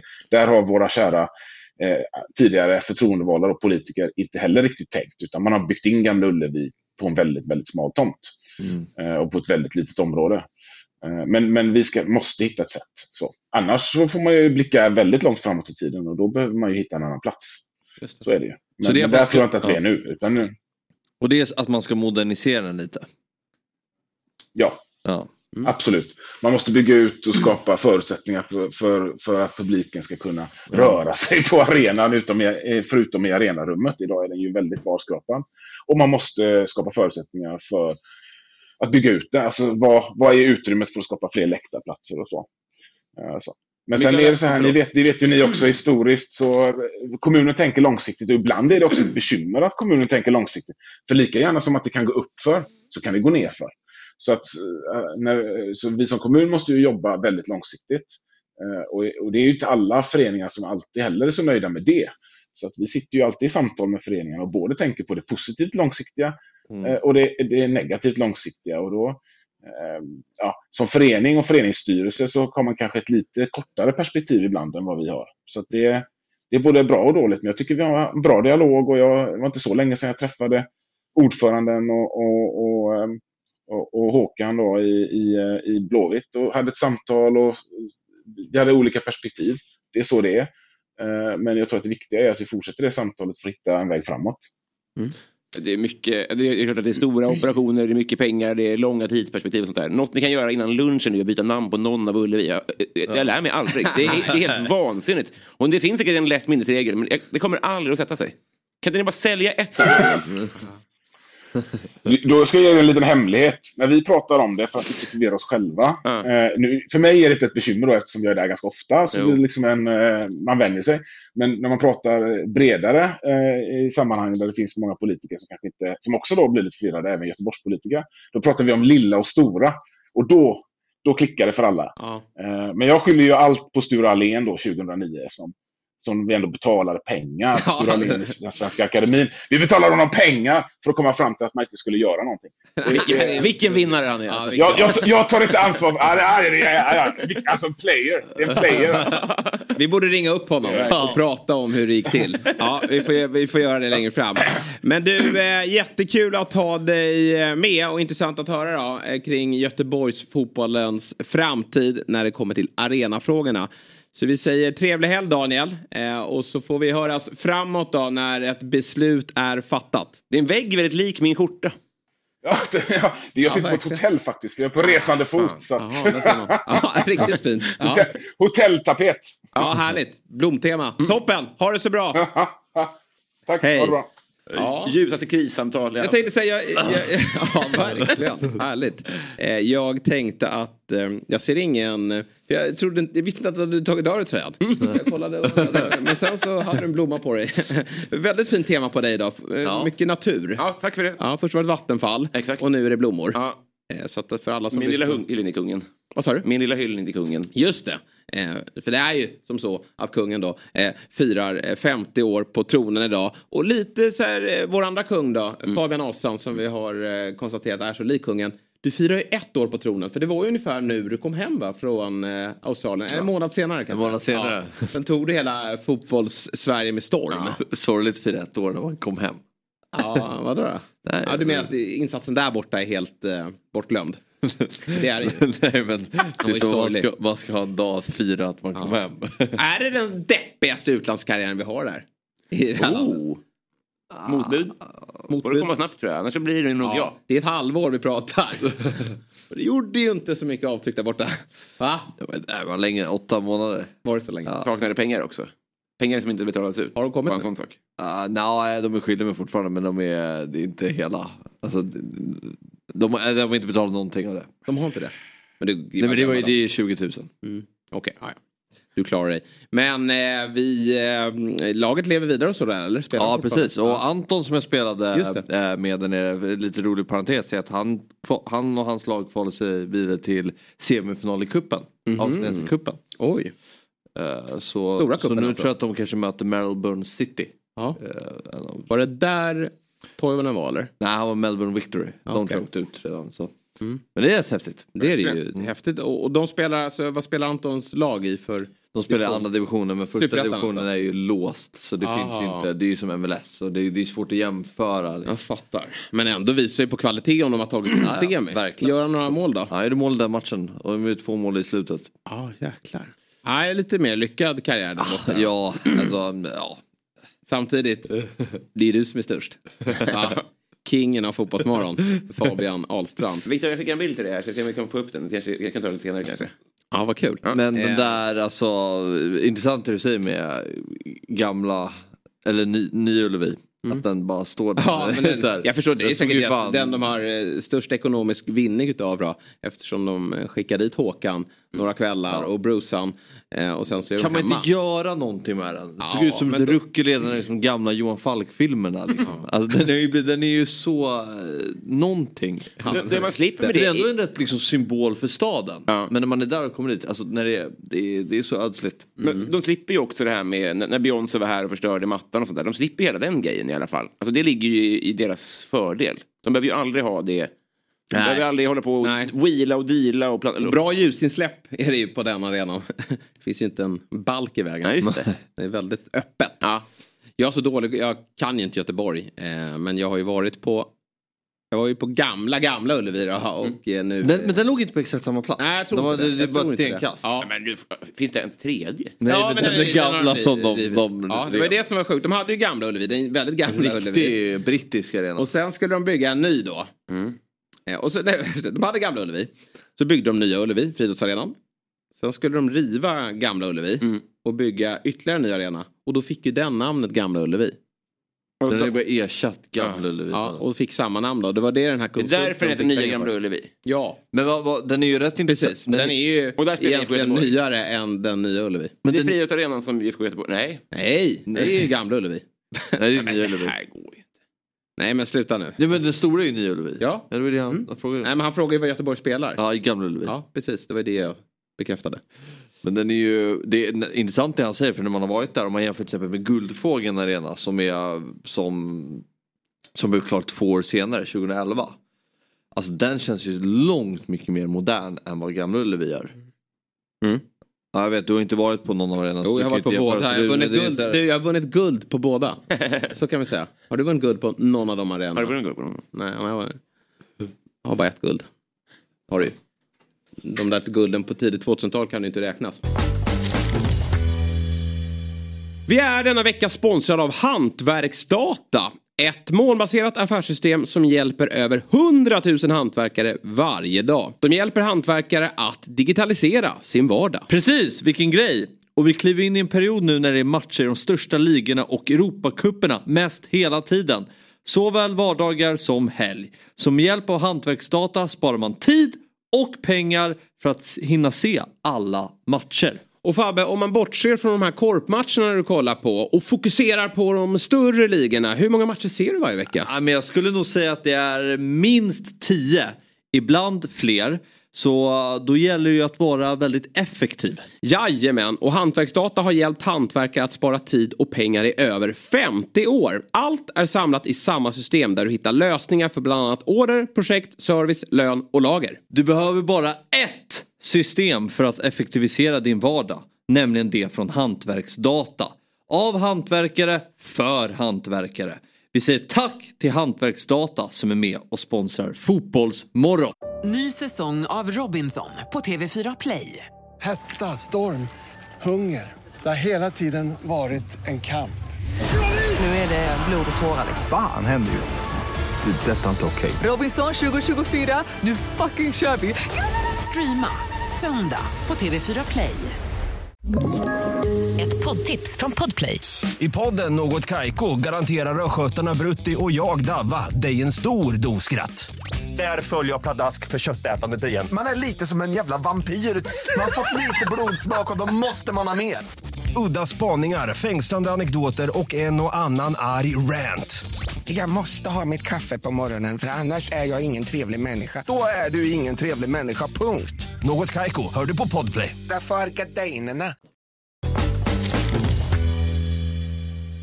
Oj, oj, oj. Nu hörni. Nu gäller det att steppa upp. På med blomtröja och annat. Eh, för det är ju som så att, eh, vi har ju varit inne på det, kungen firar 50 år på tronen då. Samtidigt då som prins Daniel också fyller 50 år. Det är helt otroligt. Eh, och eh, här finns ju fotbollskoppling då. Prins Daniel, han är ju aik men vad är egentligen kungen? Eh, kung Carl Gustav den 16 då. Carl den 16 Gustav säger man, är hedersmedlem i AIK. Men enligt en tidigare intervju i Kalmarposten, Kalmarposten av alla eh, tidningar, eh, har han uttryckt sitt stöd för Djurgården. Så vad gäller egentligen? Det ska vi ju reda ut tillsammans med vår favorit. Direkt från inspelningen av Alla mot alla. Från eh, sminkrummet då, Ebba Kleberg från Sydow. God morgon! God morgon! Vad är det som sker där borta? Men alltså det sminkas här för fullt. Eh, Ja. Det är ju firande idag i dubbel bemärkelse. Det känns ändå väldigt bra att jag är med här. Karl den 16 Gustav är alltså korrekt, ja. Ja, precis. Otroligt askungenskt av dig att Ja. ha 26 händer som fixar dig samtidigt. Det var väldigt häftigt. Ja, men eh, det är ju så man jobbar. Kungligt. Men precis, men, men framförallt då så ska du in och spela in Alla mot alla här nu va? Det första du gör. Ja, eh, Olof Lund och jag håller på och jobbar och eh, förbereder och eh, mår dåligt och eh, gör vad vi kan för att ta oss igenom dagens match här helt enkelt. Ja, och igår var det match mot Henke Larsson va? När vi ringde dig. Eller när vi tog kontakt. Ja, det här kan jag inte kommentera, men Nej, så okej. kan det vara. Ja. Så kan det ha varit. Han var i alla fall en, en, del av produktionen. Men du, vi tar oss till kungligheterna då. Även om Henke Larsson också är någon form av kung i de här sammanhangen. Men du, varför snackas det inte mer om att eh, kungen har suttit 50 år på tronen och att prins Daniel idag fyller 50 år? Eller är det bara vi som har sovit under en sten? Eh, Nej, men det är ju, jag håller helt med. Det är ju verkligen en, eh, någonstans att det måste varit skrivet i stjärnorna att eh, när eh, Eva och eh, Olle åkte till eh, lasarettet där i Örebro eh, exakt samma kväll som då eh, kungen faktiskt blir kung så föds Daniel. Det är lite spooky nästan får man säga. Eh, Ja. Men vad gäller det här med AIK måste jag ju säga då att det är ändå intressant att kungen ärver ju eh, det mesta här i sitt liv. Och precis så var det ju med hedersledamots eh, eller hederstiteln som han har fått då eh, med AIK. Den ärvde ju han av sin farfar som var kung före honom. För hans pappa dog när han var liten och så var det ju Gustav VI Adolf. Eh, då när kungen var 27 och kliver på tronen som väldigt ung och oerfaren. Och då fick han ju bland annat detta.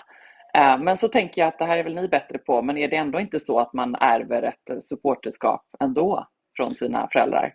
Min pappa är ur-djurgårdare och jag är ur-AIK-are. Så det behöver faktiskt inte vara så. Det kan eh, gå snett Okej. som man ofta säger då, i uppfostran. det behöver, men oftast är det väl så. Fabbe, du har ju den kopplingen att din pappa är djurgårdare. Så det borde väl vara så. Men eh, här har vi också fått reda på att prins Carl Philip, han är ju djurgårdare. Det är ju tydligt. Ja, det är ganska tydligt. Eh, och han bor ju också där ute på Djurgården och liksom det är träningar runt omkring honom alldeles i närheten. Eh, skulle gissa att barnen i den mån de spelar fotboll också spelar i Djurgården. Eh, så, det, så blir det absolut. Men kungens, eh, han, det är ganska svårt att avkräva honom på en, eh, ett rakt svar om någonting. I många frågor. Eh, i många frågor. Utan möjligen det faktum att han i och för sig var en väldigt tidig klimataktivist får man ändå säga. Eh, Och att han faktiskt är en eh, sportaktivist verkligen. Han har ju ändå eh, av all kultur som han har att välja på så är det ju inte operan han liksom brinner för utan det är ändå landslaget i alla de möjliga sporter. Ehm, så det får man ändå säga. Ja, men sen Men känns ju... Carl kung- Philip är gnagare? Nej, han är, Är jag helt ute och? Han har ju synt- synts till på Kaknäs med Djurgårdströja och annat. Han är djurgårdare. Ja, precis. Mm, det är tydligt. Men prins, den som är mest engagerad då? Det känns ju som att de är intresserade av idrott men kanske de här lite mer klassiska sporterna som, ja men vi har ju sett dem på olika mästerskap där de gillar de individuella sporterna som som vintersport, längdskidor och, och brottning. Eh, brottning har de ju lyft, eh, lyft an Micke Ljungberg där och sådär. Känns inte som att de är lika intresserade av just fotboll. Men, men prins Daniel däremot, där vet vi att det är ett brinnande Jo. hockeyintresse. Är det så? Ja, även fotboll skulle jag säga, men absolut att han är ju gammal hockeykille. Ja. Eh, Så det är ju liksom naturligt. Mm. Och tror jag kanske också så här en lagsportskille som det känns som. Och att han puttar in Estelle då i basket istället för kanske bara så här tennis och golf som förväntas av ett Precis. barn som eh, växer upp i de kretsar hon gör. Som, Mm. som mina barn förstås då, tennis och golf. Ja. Ja, och pingis i och för sig. Ja, men det är bra att få in lagsporten där också. Det har de nytta av lite längre fram. Lite tips. Verkligen, verkligen. Men nej, jag tänkte att ni skulle, ni får liksom göra ett gräv på detta, för det är väl dags att man Ja. får avkräva kungen på ett svar. Tänk att få hit kungen. Det är svårare, svårare att svar. få raka svar upplever jag. Ja, lite så. Men jag, förlåt att jag byter ämne, men jag är så fruktansvärt fascinerad över den här 50-årsdagen då. Min eh, teori som jag drar helt ur luften är ju att när Victoria stövlar in på gymmet första gången och Daniel får, får se henne. Att han då tänker, det här har det ju pratats om sen jag föddes. Ska jag inte bara köra? Alltså att det var en del av att de eh, hittade varandra. Finns det något som tyder på det? Eh, ja, du kanske, du får väl helt enkelt försöka få ett rakt svar på den också. Mm. Vi har en del att gräva i här. Ja, vi har Visst, ju visst det. vore det spännande? Mm. Vi kanske får köra Ja, är kungaspecial. spännande. Ja, Mm. det var inte en sån här det sa klick moment, men absolut. Nej. Och jag är ju också väldigt nyfiken på hur eh, ehm, Daniel alltså kommer att fira. Det är ändå hans 50-årsdag. Precis. Och nu då ikväll så är det ju enorm stor bankett och galamiddag. Kommer, de liksom, kommer någon att resa sig och skåla för Daniel eller sjunga Ja må han leva? Eller är det bara för, eh, för mycket kungen? Det är konkurrens där. Det blir spännande. Ja, det blir verkligen skugga, spännande. alltså. Ja. Du, innan vi släpper det Ebba, du ska få fortsätta där så måste vi höra lite om Alla mot Ja. alla då. Eh, du Olof, vad är det för, det är ju en All-star-säsong här i Alla mot alla. Och du Olof har ju vunnit eh, tidigare. Hur är känslan inför den här säsongen då? Eh, känslan är att vi är, eh, hjälp om jag får ordning på min lugg här idag, vi får se om det kommer gå. Eh, känslan är att det är ehm, svårt. Mm. Det är Allstars, det är liksom eh, högsta ligan. Jag vet inte vad det är för fotbollsreferens, men Olof eh, Champions League? brukar säga att vi är ungefär som San Marino här. Nej, Känner lägg av. Jag skulle säga Real Madrid. Vilket är Ja, hatmötet inför säsongen skulle du säga? Vilket gör dig riktigt förbannad att bara se på andra sidan? Eh, alla just nu. Mhm. Det är bara hatmöten. Ja, vad kul. Ja, Och men det är... vi är, ja, vad kul! Eller? Vad kul Ja, men det gillar vi i Men ni vet, fotbollssammanhang. det är svårt när man är, ja, när man är gamla mästare som vi är. Liksom. Vi har ju ändå vunnit i Globen, Olof och jag, eh, i då Champions League, motsvarande den stora eh, Precis som San Marino. bowlen. Och det, ja, precis, eller hur? Eh, Så det känns ju liksom, det är mycket att försvara. Vi, Mm. Det är tungt. Vi ska liksom ut där i ringen igen och kämpa. Det är, eh, det, det är tufft. Ja, men jag är helt övertygad om att på. ni kommer göra det alldeles utmärkt. Hur är Olof innan timmen innan inspelning då? Är han stissig, nervös? Våldsam. Alltså, Våldsam. vad tror du? Tror du att det är så här mysig fika innan eller? Han är på tårna. Det får gå som det går. Ja, det är på tårna. Ja, härligt. Vi önskar er all lycka då med den här säsongen och så får vi gräva vidare då i, i eh, kungafrågor. Ja, men gör det. Jag ser mycket fram emot det. Väldigt spännande. Ja, härligt. Tack så jättemycket för att du ville vara Ja. med och trevlig helg. Tack. Skål för kungen. Ja, skål, för kungen. Ja. Otroligt program vi bjuder på idag. ja, det gör vi verkligen. Eh, det är um, underbart. Kungafrågan eh, får vi gräva vidare i då. Ja, verkligen. Mm. Och jag, jag tycker det Robin är inne på är ju mer intressant. Mm. Eh, Ingångsvärdet där för Daniel när han ser. Ja, den, den, Den eh, är- det är det stora grävet här. Vad sades i Ockelbo när prins Daniel tittade ut? Ja. Ja, men vi vet ju så många som har en tydlig bild med att den där grabben ska bli tennisspelare, den där tjejen ska ta sig till ett landslag. Du ska in i kungahuset. det har ju varit tydligt. Eh, Som Joe Jackson viskar honom så. Ja, och jag minns ju från bröllopet vilka fina tal, eh, vilket fint tal pappa Daniel, Olle hette han va? Just det. Höll. Han har ju planerat det där Ja, visst. sen den här dagen för 50 år sedan. Så det är inte konstigt att han levererade. Just det, referenser från 70-talet. Ja, Ja, ja. Det är lite gammalt där, men jag har Precis. slipat ett tag. Mm. Hörni, alldeles strax ska Noah Bachner kliva in i studion Ja, och väl. eh, prata om den sista utposten och mycket mer. Vi, han har ju pratat mycket om den här boken. När man har Noah här vill man ju prata om allt Ja, men jag tycker man kan ta lite stycken från boken och prata lite kring. Eh, så. Ja, ja, du får göra precis som du vill. Men innan vi gör det så ska vi titta på Hoffmans helgtrippel. Åh, vilka matcher. All respekt till Myggan, men frågan är inte om det är nu som flest folk där ute lyssnar ändå. Ja, när det kommer till spel. men du får komma in i mer tacksamma lägen också. Inför helgerna. Ja, Myggan får jobba mycket med eh, som... eh, Ja, jag vet. Det är mycket Så- skräp där i veckorna. Ja, och det gör han ju på, ett Koka soppa på en spik, men Ja. han gör ju ofta det. på ett föredömligt sätt. fisksoppan här. Ja, jag får lite fisksoppa här. Och det är härliga ingredienser. Eh, Ni vet ju att jag har två ligor som jag håller mig eh, varmt om hjärtat. Och det är ju Premier League och det är Allsvenskan. Och eh, vi har en blandning av dessa två eh, ligor i trippen. Vi börjar med att Brighton, de eh, vinner på Old Trafford. Ja. Och det fina här är att man får insatsen tillbaka vid oavgjort. Ja, Man- lite fint. förlorar inte. Så då lever trippen. Det, trippen lever, du får ju dra ner på oddset då eh, om det sker. Så att krysset så, så eh, är okej, men för, vi vill ju ha vinsten för då vinner vi eh, hela beloppet då. Lyssnade du på Fotbollsmorgon igår? Nej, Nej, jag sa att uh, det, det här kan sluta 5-0 till Brighton. okej. Jag Ah, tror att de har en överdriver sån du. i sig, en riktig catch-up effekt. Ja, kan vara så. Ja, men de har ju imponerat något oerhört Brighton. Eh, United mår inte bra för stunden. Det är rörigt i klubben. Och det är dessutom lite eh, skadefrånvaro i den där backlinjen. Jag vet inte om Varann är tillbaka. Jag tror faktiskt inte det.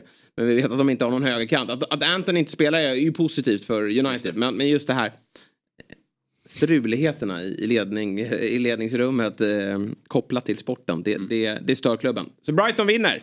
Sen har vi Aston Villa som vinner hemma mot Crystal Palace. Jag eh, gillar ju vad jag ser från Aston Villa. Har varit lite naiva i vissa matcher. Jag tänker på Liverpool på Anfield. Jag tänker på Newcastle på St. James' Park. Men hemma på Villa Park är man starka. Och ja. eh, Crystal Palace. Nej, det är inget lag som ska ha någon suck faktiskt mot Aston Villa. Så till 1,90 så plockar vi in den. Och sen då? Ångestmötet nere på gamla, nya, gamla, nya, gamla Lilla Ullevi. Eh, där tror vi... Varför heter inte det Lilla Ullevi? Lilla Ullevi. där har vi den. eh, där har vi den. Eh, Göteborg vinner. Ja, BP. Det tror inte jag. Kommer få det tufft. Mm, jag, tror, jag tror det blir kryss. Du tror på kryss? Mm. Ja, och då ska du inte rygga mig. Men jag hoppas att alla andra tror mer på mig än Fabbe. Mm. För där har ni Hoffmans L-trippel till klina åtta gånger pengarna. Ja, rent. Va? Vad rent och fint. Ja. Så på 10 kronor får man? En härlig renskap. Ja, men vad får man i kronor? Ja, 80. Bra Fabbe! ja, så, men jag ja. såg inte oddset. Nej, jag fattar. Jag det är såg den det berömda kameran. ja. Så att in och rygga den här nu på dobb.ban. vad, blir, vad blir 8 gånger 10? Renskap. Då är man fjällskadad. Alltså. Ja, Eller hur? Då har man suttit i den här studion för mycket. Ja. Det är omprov tror jag. Ja. Dobb.ban snedstreck oddset. Mm. Så ryggar man den här. QR-kod och annat hade ni där. Eh, man måste vara minst 18 år för att få spela. Och eh, Oddset är en produkt från Svenska Spel, Sport och Casino AB. Upplever man problem med sitt spelande så finns det stödlinjen.se till hands.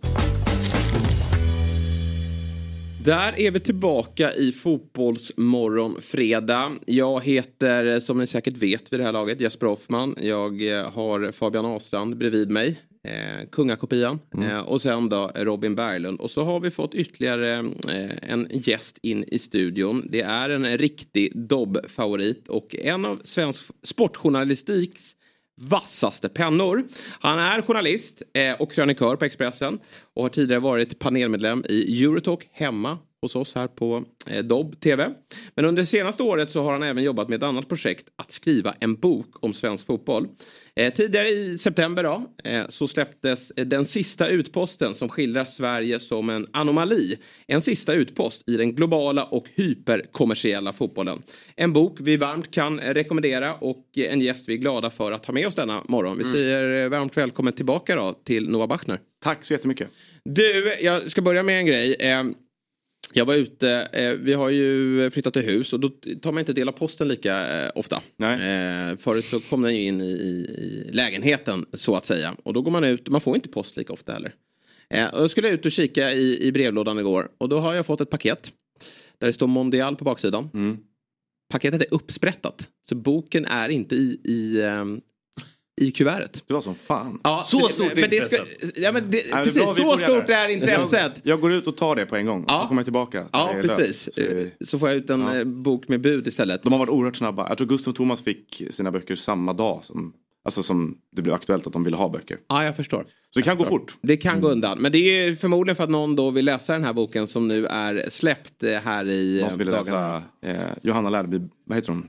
Bäckströms bok nu om Spelkungen och blev oerhört besviken kanske. När de det tror jag inte. Men du Noah, hur ehm, har det varit att det senaste halvåret att eh, vara författare?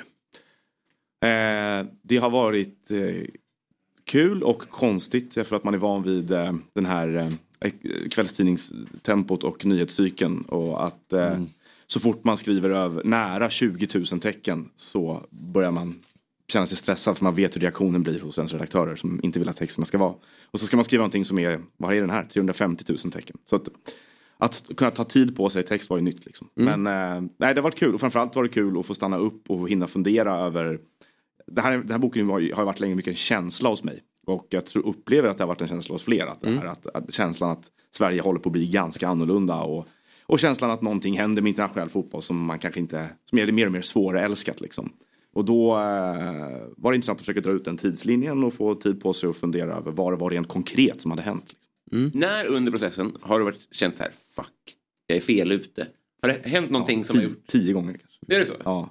Ja, det räcker, väl- det räcker ju ibland med att prata med Martin Åslund och när han håller sitt brandtal för att det är bara släppa allt fritt till alla miljardärer så kommer det lösa sig. Så kan man liksom lägga på och bara, han kanske har rätt. Ja. Eh, men, eh, Men han kanske har rätt, men det är inte din eh, känsla. För det har Nej. du varit tydlig med också. Att det här är ju din berättelse. Ja kring det precis, precis. Det här är ju liksom min, min blick på det här ganska mycket. Och vad jag tycker är viktigt. Och man kan ju tycka olika saker är viktiga. Så att, eh, eh, nej men det är nog rätt. De flesta kan jag tänka mig som jobbar med saker så här länge. Måste ju drabbas av olika kriser på vägen. Annars är det fel. Du, eh, den har ju fått väldigt fina recensioner får man ju eh, konstatera. Eh, frågan är om inte Göran Greiders hyllning till den är den starkaste. Eh, jag citerar honom här. Den här boken sitter i vänstra krysset. Den är otagbar. Jag är tillbaka på Vingåkers IP och nu är känslan äkta. Ja det var kul. Fint formulerat. Ja det var jätte, jättefint formulerat. Ja. Hela, hela hans recension var jättefin. Så det var Ja. jätteroligt. Mm. Det är väl bara att erkänna. Det är roligare att folk tycker att den är bra än tvärtom. För de som inte har läst då, en, en eh, kort hisspitch här då. Varför ska man köpa den sista utposten? Eh, ja, men jag har ju kanske uppfattningen att många som är eh, låg till medelintresserade av svensk fotboll. Där tror jag finns en hel del i Sverige som inte känner till att vi har det här att vi har medlemsägda fotbollsföreningar och att det är annorlunda. Och det i sin tur har ju betytt, börjat betyda massa saker nu. Det har inte betytt all, massa saker alltid därför att om man kollar på vad som skilde vår fotboll och resten av världens fotboll så är det visst det har funnits stora skillnader därför att vi har haft föreningsdemokrati även tidigare. Men det är ju det som händer med fotbollen i början på 2000-talet som gör att den verkligen accelererar i en annan riktning. Och vill man då förstå vad vi kanske har vunnit samtidigt som vi har förlorat sportsligt för att de flesta människor verkar ju observera nu att det inte går så bra för svensk fotboll på här sidan framförallt då. Ehm, så är den här boken mitt sätt att försöka skildra att vi faktiskt har konserverat och skyddat någonting som, vilket också den kommer in på mycket på slutet, det finns väldigt dokumenterat nu att man är bekymrad om i andra länder. Att eh, det finns en existentiell och djup diskussion om vad som håller på att hända egentligen. Eh, Fabian, du har ju läst boken. Vad är det som har... Du läser den just nu? Ja, du läser den just Nej, nu. men jag bara lät efter stycken som att det var... Nej, men eh, just det Noah säger tycker jag, jag skulle liksom rekommendera folk som är just kanske medelintresserade av fotboll, eller kanske inte alls intresserade av fotboll att läsa den här. Jag tycker att det är verkligen ehm, eh, väldigt intressant just med mer medlemsägda formen som vi har i, i Sverige och att och att ja, men så, som personer som inte är så insatta i, i fotbollen så förankrade i fotbollen att läsa och se. Det- Jag tror det kan bli en jäkla ögonöppnare för, för många när man läser en sån här typ av bok. Um, men jag har fastnat för mycket. Jag, alltså alla träffar du har haft med Blatter och tycker den med din träff med Ragnik är ju väldigt... eh, Han var ingen 51% regelförespråkare Han älskar den inte. Nej. Han, är, han och jag skilde oss lite i den. Ja, hur fick du till en träff med honom? Och... Nej, det, var en, det var en intervju med Emil Forsberg som var bokad i, i Leipzig och eh, där presschefen frågade om jag var intresserad av att prata med Ragnik också. Eh, vilket jag såklart var. Mm. Eh, och han är en av de mest intressanta hjärnorna i fotbolls-Europa på många sätt tycker jag.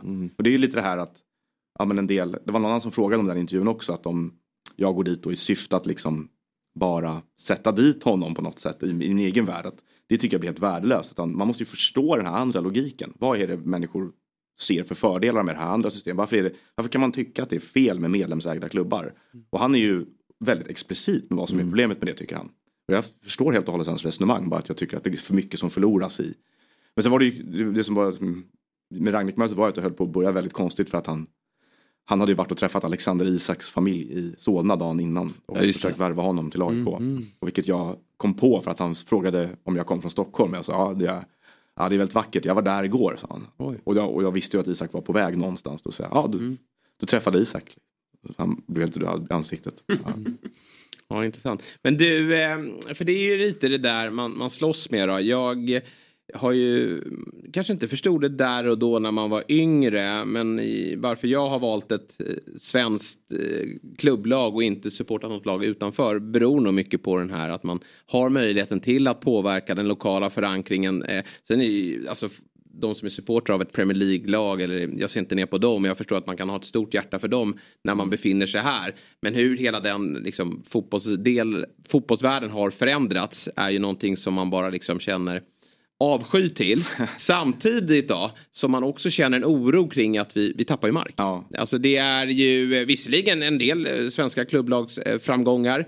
Eh, Men vi ser ju att länder som är ganska nära oss och då tänker jag främst på Danmark som har en annat upplägg eh, där man kan äga klubbarna eh, springer ifrån oss. Eh, Liksom, kommer vi kunna hänga med med 51%-regeln? Ja, det är ju hela slutdiskussionen i boken. Att liksom, vi, vi har ju aldrig haft en debatt om 51%-regeln eller u- pratat om att vi är att ha det här systemet i Sverige utan att den har varit hotad. Alltså, varje gång den har kommit upp har det varit en diskussion om ska vi ta bort den och göra som alla andra så vi kan tävla med dem. Vi har aldrig pratat om att okej, vi har valt ett annorlunda system. Det här är det vi har vunnit på det. Men vi måste nog vara ganska kreativa här för att komma på ett sätt. Vi måste nog ha en ganska levande diskussion om vad vi ska göra för att vara konkurrenskraftiga fotbollsmässigt. Och det tycker jag är korkat för att liksom, vi kan ju inte bara ha det här systemet och puttra på och vara nöjda med att vara medelmåttiga. Utan tvärtom så tror jag att liksom, kan vi koppla på en progressiv fotboll som kan försörja sig själv på något sätt. Alltså, tänka, alltså, inte vara så sinnesslöa, vilket jag kan uppleva att, att fotbollen är generellt. Det är väldigt få som diskuterar alternativ liksom, överhuvudtaget. för saker och ting. Så att, ehm, ja, det kommer nog gå. Jag tycker nu att vi borde blicka mot norsk fotboll lite mer. Därför de är, har ju ett liknande system som vi har. Och det går åt- helt rätt håll på planen för dem. Sen ligger de efter oss lite i liksom, medlemsaktiveringen. De har ju varit mindre påverkande på sin fotboll. Men, men eh, det här är en fråga för våra makthavare. Alltså jag hade ju velat se till exempel nu att man de som, har, de som är ansvariga för svensk fotboll, SEF eller förbundet eller vilka aktörer man vill plocka in där, EFD. Sätt en vision för vad svensk fotboll ska vara 2045. Och så sätter man ihop liksom en, en kommission eller någonting som jobbar med det i två år. Och sen så får vi då en plan för att så här ska det utvecklas, så här ska vi generera våra egna intäkter utan att sälja ut allting. Ungefär så. Men hänger Men med, det- det- förlåt. Men, men eh, innebär det framgång för eh, inhemska lag ute i Europa? För jag menar, kan man, så måste det finnas ett lika med tecken med att det går bra för svensk fotboll och att Malmö är ute i Champions League? Eller kan vi vara, måste, behöver vi vara konkurrenskraftiga på klubblagssidan? Nej det, nej, det tycker jag nog inte att det behöver vara ett likhetstecken däremellan. Däremot så ska vi kanske kunna prestera som liga bättre än vissa andra ligor som vill prestera sämre än nu ändå tycker jag. Eh, men det handlar väl mer om det här försörjningen av spelare till landslagen och så vidare. Mm. Det tycker jag är mer mått på hur, hur svensk fotboll presterar kanske än att våra klubblag klarar av eller inte klarar av att att konkurrera med PSG. Liksom. Mm. Jag får fram spelare så här, kolla eh, damfotbollen nu, alltså damallsvenskan blir sämre och sämre men vi får ändå fler spelare till utlandet. Mm. Eh, men jag tycker det är väldigt intressant, just apropå det här med norsk fotboll, eh, så var det ett stycke som jag fastnat för som är, som är faktabaserat. Eh, att närmare 90 miljoner norska kronor från klubbarnas centrala intäkter öronmärks årligen för ungdomsfotbollen och klubbarna skjuter själva till allt mer. Hösten 2022 hade 10 föreningar i den norska ligan 10 eller fler heltidsanställda ungdomstränare. I allsvenskan var motsvarande siffra vid samma tidpunkt fem klubbar och SEF öronmärker bara 15 miljoner kronor till landets akademier varje år. Samtidigt får svenska spelare mindre spel till Europas 10 bästa ligor än på minst 10 säsonger. Mm. Alltså, jag tycker väldigt det här med att som Noah säger, vad, vad är svensk fotbollsvision? Mm. Eh, nu har Reinfeldt varit här ett, ett halvår och det har bara varit prat om VAR. Alltså jag skulle någonstans vilja höra någonting om vad är visionsarbete? Vart ska vi, vart ska vi komma med svensk fotboll? Hur vill vi bedriva? Hur, vill, hur ska vi främja akademierna? Hur ska bredden bli bättre? Hur ska vi utbilda våra ungdomstränare? Eh, man hör ju ingenting. Nej, men det, det är väl den största frågan för Ja. dem egentligen. Mm. Alltså, Ja. det, som det där handlar om. Men där, det finns ju nu en ökande trend kanske att folk förstår att vi måste lägga mer pengar på talangutveckling. Så att, eh, Var har våra pengar hamnat? Ja, klubbarna har ju velat disponera dem som de vill själva. Vi har haft större frihet. Sen Mm. tror jag de många säger att vi har lagt centrala intäkter mer på att utveckla arenaupplevelsen som är bättre än i Norge på många sätt. Alltså Mm. det, det är bättre wifi och eh, andra grejer som på arenorna. Mm. Ungefär sånt. Jag lyssnade på Thomas Berntsen som gästade podcasten Testa Stör. Och han eh, liksom, när han tillträdde då ville han ju inte då, då sa han ju att jag vill ändra sättet vi tränar på och då fick han ju ofta frågan tränar vi dåligt här och då vill han inte säga det rakt ut. Men nu var det ju mer rakt ut i att eh, vi tränar på ett helt annat sätt i Norge och vi får ju fram mer fysiska och löpstarka spelare. Och sen också, han blev nästan provocerad av det här ryktet kring Oma Faraj att AIK skulle släppa honom för 10-12 miljoner och var inne på det här med att svenska klubbar släpper spelare för billigt. Att vi, eh, alltså, vi släpper för en tredjedel av vad de gör i, i, i Danmark och, och Norge har också sprungit iväg på den biten. Var, varför är vi så dåliga på att ta betalt för våra Jag upplever att, att, det, att vi fortfarande, vi, vi har inte följt med i inflationen i transfersummor. Nej. Att vi tycker att 50 miljoner är jättemycket fortfarande. Det är Ja. inte det. Nej. Alltså det och, och framförallt inte om du har 200 miljoner i kassan eller vad det skulle vara för någonting. Alltså 30 miljoner för en mittback nu om du, sitter, om du har nära 100 miljoner eget kapital. Ja, alltså, men det menar du, ja, nors, norska klubbar har ju också nu börjat höja ribban för det här. De sålde ju han, Molde sålde ju Mansverk till. Ajax nu för ganska mycket. Och danska klubbarna är vansinniga i sina, sina försäljningar. Så, att det, Ja. så att, nej, jag, jag tycker att det, det är den stora grejen. Och också, också det här att men transferintäkter är en grej och det är liksom en kortsiktig grej för mig ganska mycket tycker jag. Att det, på, på, på kort sikt behöver vi öka det för att få in pengar. Men om man kollar på det som händer med vi tittar jättemycket på Saudiarabien nu i Europa och vi undrar vad som pågår där. Var pengarna kommer ifrån in i den europeiska fotbollen.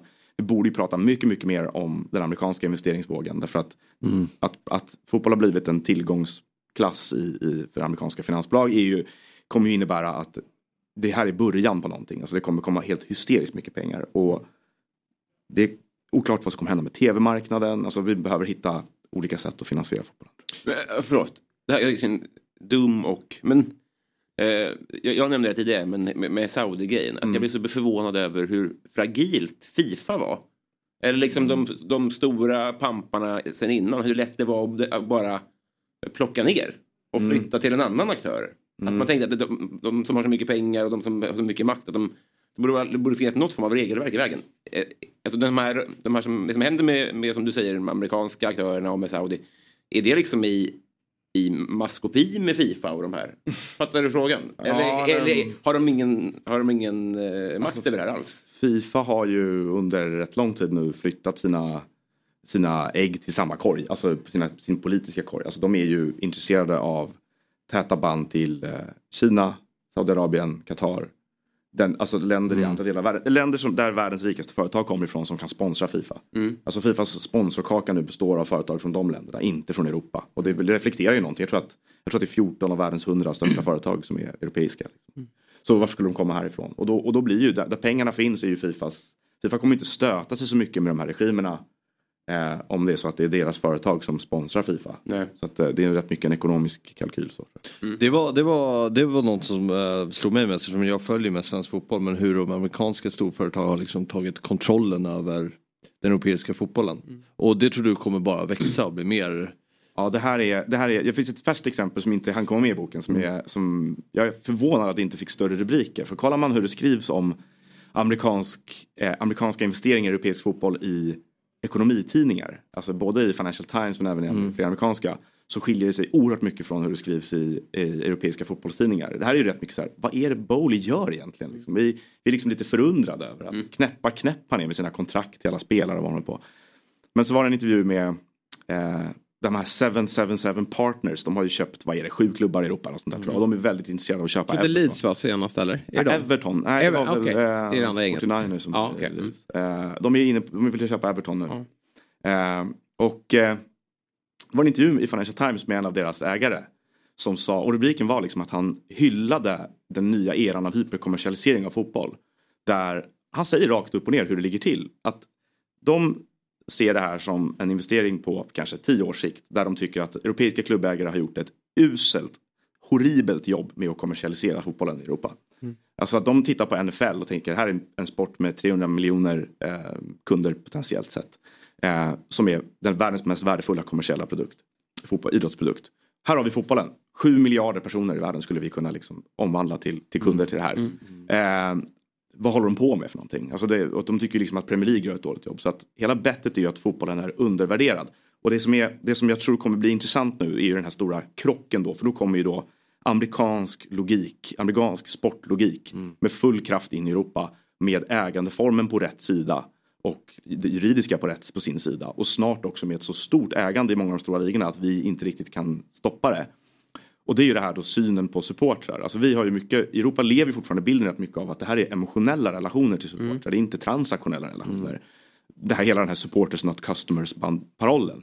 Men han säger uttryckligen the level of engagement says that they want to be monetized. Alltså han säger att liksom, ja, de upp, lojaliteten mot klubbmärkena säger att de vi vill bara lägga pengar på det här.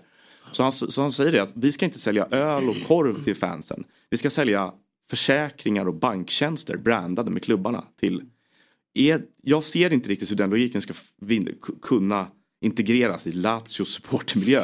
Eller liksom hur ska det här, hur ska det här mötas på något sätt? Nej men de lokala supportrarna och vi som har följt det länge, vi, vi spyr när vi hör sånt där. Men, men samtidigt känner man ju då en oro när vi pratar om de här 27 miljarderna att det finns ju en publik där ute. Absolut. Som skulle kunna ta det där till sig. Nej, ja, och det är det som är det spännande här. Det här ska nu då, de ska nog använda europeiska klubbar för att arrangera det här för världen. Inte för lokalbefolkningen runt Strasbourg. ut- Utan Strasbourg är en liten, ja men det är en lagerhylla i, i- Chelsea eller Bowleys och Clear Lakes jätteprojekt. Och där, därför jag tror då att till slut så blir det enda lösningen att det här blir en global superliga där vi får någon motsvarande collegeidrott i Europa som är, som är lokalt förankrad. Ja. Och i, det, i den världen så är, borde ju det svenska systemet vara väldigt attraktivt för att vi inte ska hända igen då. Liksom, klubbarna. Vad kommer det att göra med, jag vet ju att ditt intresse har ju fått sig en törn eh, sett i utvecklingen och att ditt älskade Newcastle. Vad får du att tro det? Ja, det där kanske. Ny säsong av Robinson på TV4 Play. Hetta, storm, hunger. Det har hela tiden varit en kamp. Nu är det blod och tårar. liksom. Fan händer just nu. Det. är Detta är inte okej. Robinson 2024, nu fucking kör vi! Streama söndag på TV4 Play. Ett poddtips från Podplay. I podden Något Kaiko garanterar östgötarna Brutti och jag, Davva, dig en stor dos skratt. Där följer jag pladask för köttätandet igen. Man är lite som en jävla vampyr. Man har fått lite blodsmak och då måste man ha mer. Udda spaningar, fängslande anekdoter och en och annan arg rant. Jag måste ha mitt kaffe på morgonen för annars är jag ingen trevlig människa. Då är du ingen trevlig människa, punkt. Något Kaiko, hör du på Podplay. Därför är gardinerna. Var är vi om eh, tio år? Då har vi en globala superligan. Nej, jag- det är svårt att säga hur, hur snabbt det går. När det sker. Ja, det är svårt att säga hur snabbt det ska gå tycker jag. Och jag- Och jag kan för dåligt det här branschen, vad logiken är liksom bland de här investerarna. Men just den amerikanska offensiven, alltså de har ju Golfen kommer säkert vara någon sorts förebild. Du- De teamar upp med Saudiarabien. De kommer teama upp med andra aktörer som vill ha det på det Precis. här sättet. Så, sen så de jag pratat med om det här säger att liksom, ja, men tio år är liksom en normal... För de som går in med pengarna vill också ha ett exitdatum när tillgången ska ha ökat i värde och så säljer den. Hör även någon annan eh, som hade suttit med i en förhandling med ett av de här multiklubbsnätverken som sa liksom att varför, varför har ni köpt en klubb i Belgien och Danmark och Polen och Frankrike? Liksom? Ja, men vi ska sälja ett paket med sju klubbar när det här värdeökningen är över. Liksom. Det, det är vår plan. Vad, vad händer sen då? Ja, sen de får väl fortsatt tillväxt tills hela, liksom, framförallt den asiatiska marknaden är erövrad. Liksom, kan jag tänka mig. Hur rädda bör vi vara då att Sverige ska ta efter? Släppa på ja, men, första steget då, eh, ta in VAR som är ju en, liksom ett, ett, ett, ett steg i den riktningen får man ändå säga. Och sen då att släppa på 51% regeln och att vi får in eh, ja, utländska investerare i klubbarna. Nej, jag tror inte vi ska vara så rädda för det. Alltså, Nej. av två skäl. Det ena är väl att vi har ingen stark opinion för det i Sverige. Det finns ingen opinion för det egentligen. Det är knappt, går knappt att hitta en röst som tycker att det vore bra. Eh, det andra är väl att det överhuvudtaget i Sverige har liksom någon sorts allmän diskussion om att är det, var det svinbra som vi gjorde med samhällsfastigheterna att nu att de kan ägas av ryssar och kineser och Saudiarabien. Liksom att, ska de äga våra polishus och skolor? Typ. Så den, det tyder ju den riktningen att vi har börjat få upp ögonen för att man inte ska släppa allt helt fritt alla gånger. Eh, så jag tror inte vi ska, VAR är väl lite mer krångligt kan jag tänka mig. Att, eh, men samtidigt så är det ju lite vägval närmsta åren här. Om nu den norska medlemsrörelsen faktiskt får lite framgång i att att påverka den frågan. Alltså, de verkar ju vara på väg att börja motionera om att avskaffa det. Om Europa får ett exempel på ett land som tar bort VAR. Eh, och, det, och det finns ju tre länder i Europa typ som skulle kunna göra det. Det är Sverige, Norge och Tyskland. Eh, Eh, så det är möjligt att den tyska medlemsrörelsen skulle kunna ta efter också. Och att det blir verkligen sån här eh, där. Och då kan ju vi kanske stanna kvar på vår sida. Mm. Ja, intressant att följa då. Vårt kära landslag då. Vi upplever ju en ganska mörk tid och allt hänger väl på något sätt ihop då med, med talangutveckling och att det inte har gått till rätt, åt rätt håll. Samtidigt då som jag också känner att det där är ett argument som jag blir lite trött på när Jan Andersson sitter på podiet och säger att vi, vi har spelare som inte får speltid ute i Europa. Nu lät det väl inte riktigt så den här gången men det gjorde framförallt det förra sommaren då i, i Nations Han tog upp League. det efter den här matchen. Ja, han ju, kanske gjorde det ändå. Eh, och, och ja, eh, jag vet Isak Hien spelar väl ganska regelbundet i, i, eh, i sina klubblag och, och håller sin defensiv. Men när han kommer till ett landslag så, så gör han inte på samma sätt då. Eh, men men eh, vad, vad det säger ser du Jan Anderssons fel. Vad sa du? Det ser du Jan Anderssons fel. Eh, nej men ja, jag, jag, jag tycker väl att han har ett ganska bra material att jobba med. Så kan jag väl säga. Ja men varför gör inte spelarna bättre då? De har ju, de har ju det, förutsatt... ju- det, det, det är väl det, dit jag vill komma. Ja. Vad, vad säger Noah om, om vårt svenska landslag? Nej, jag, jag, tycker nog, jag tycker nog att det finns ett problem i att vi har för dålig bredd. Alltså om man kollar våra spelare 15 till 50 Mm. så är de inte tillräckligt, de spelar inte på tillräckligt hög nivå. Och framförallt i vissa positioner.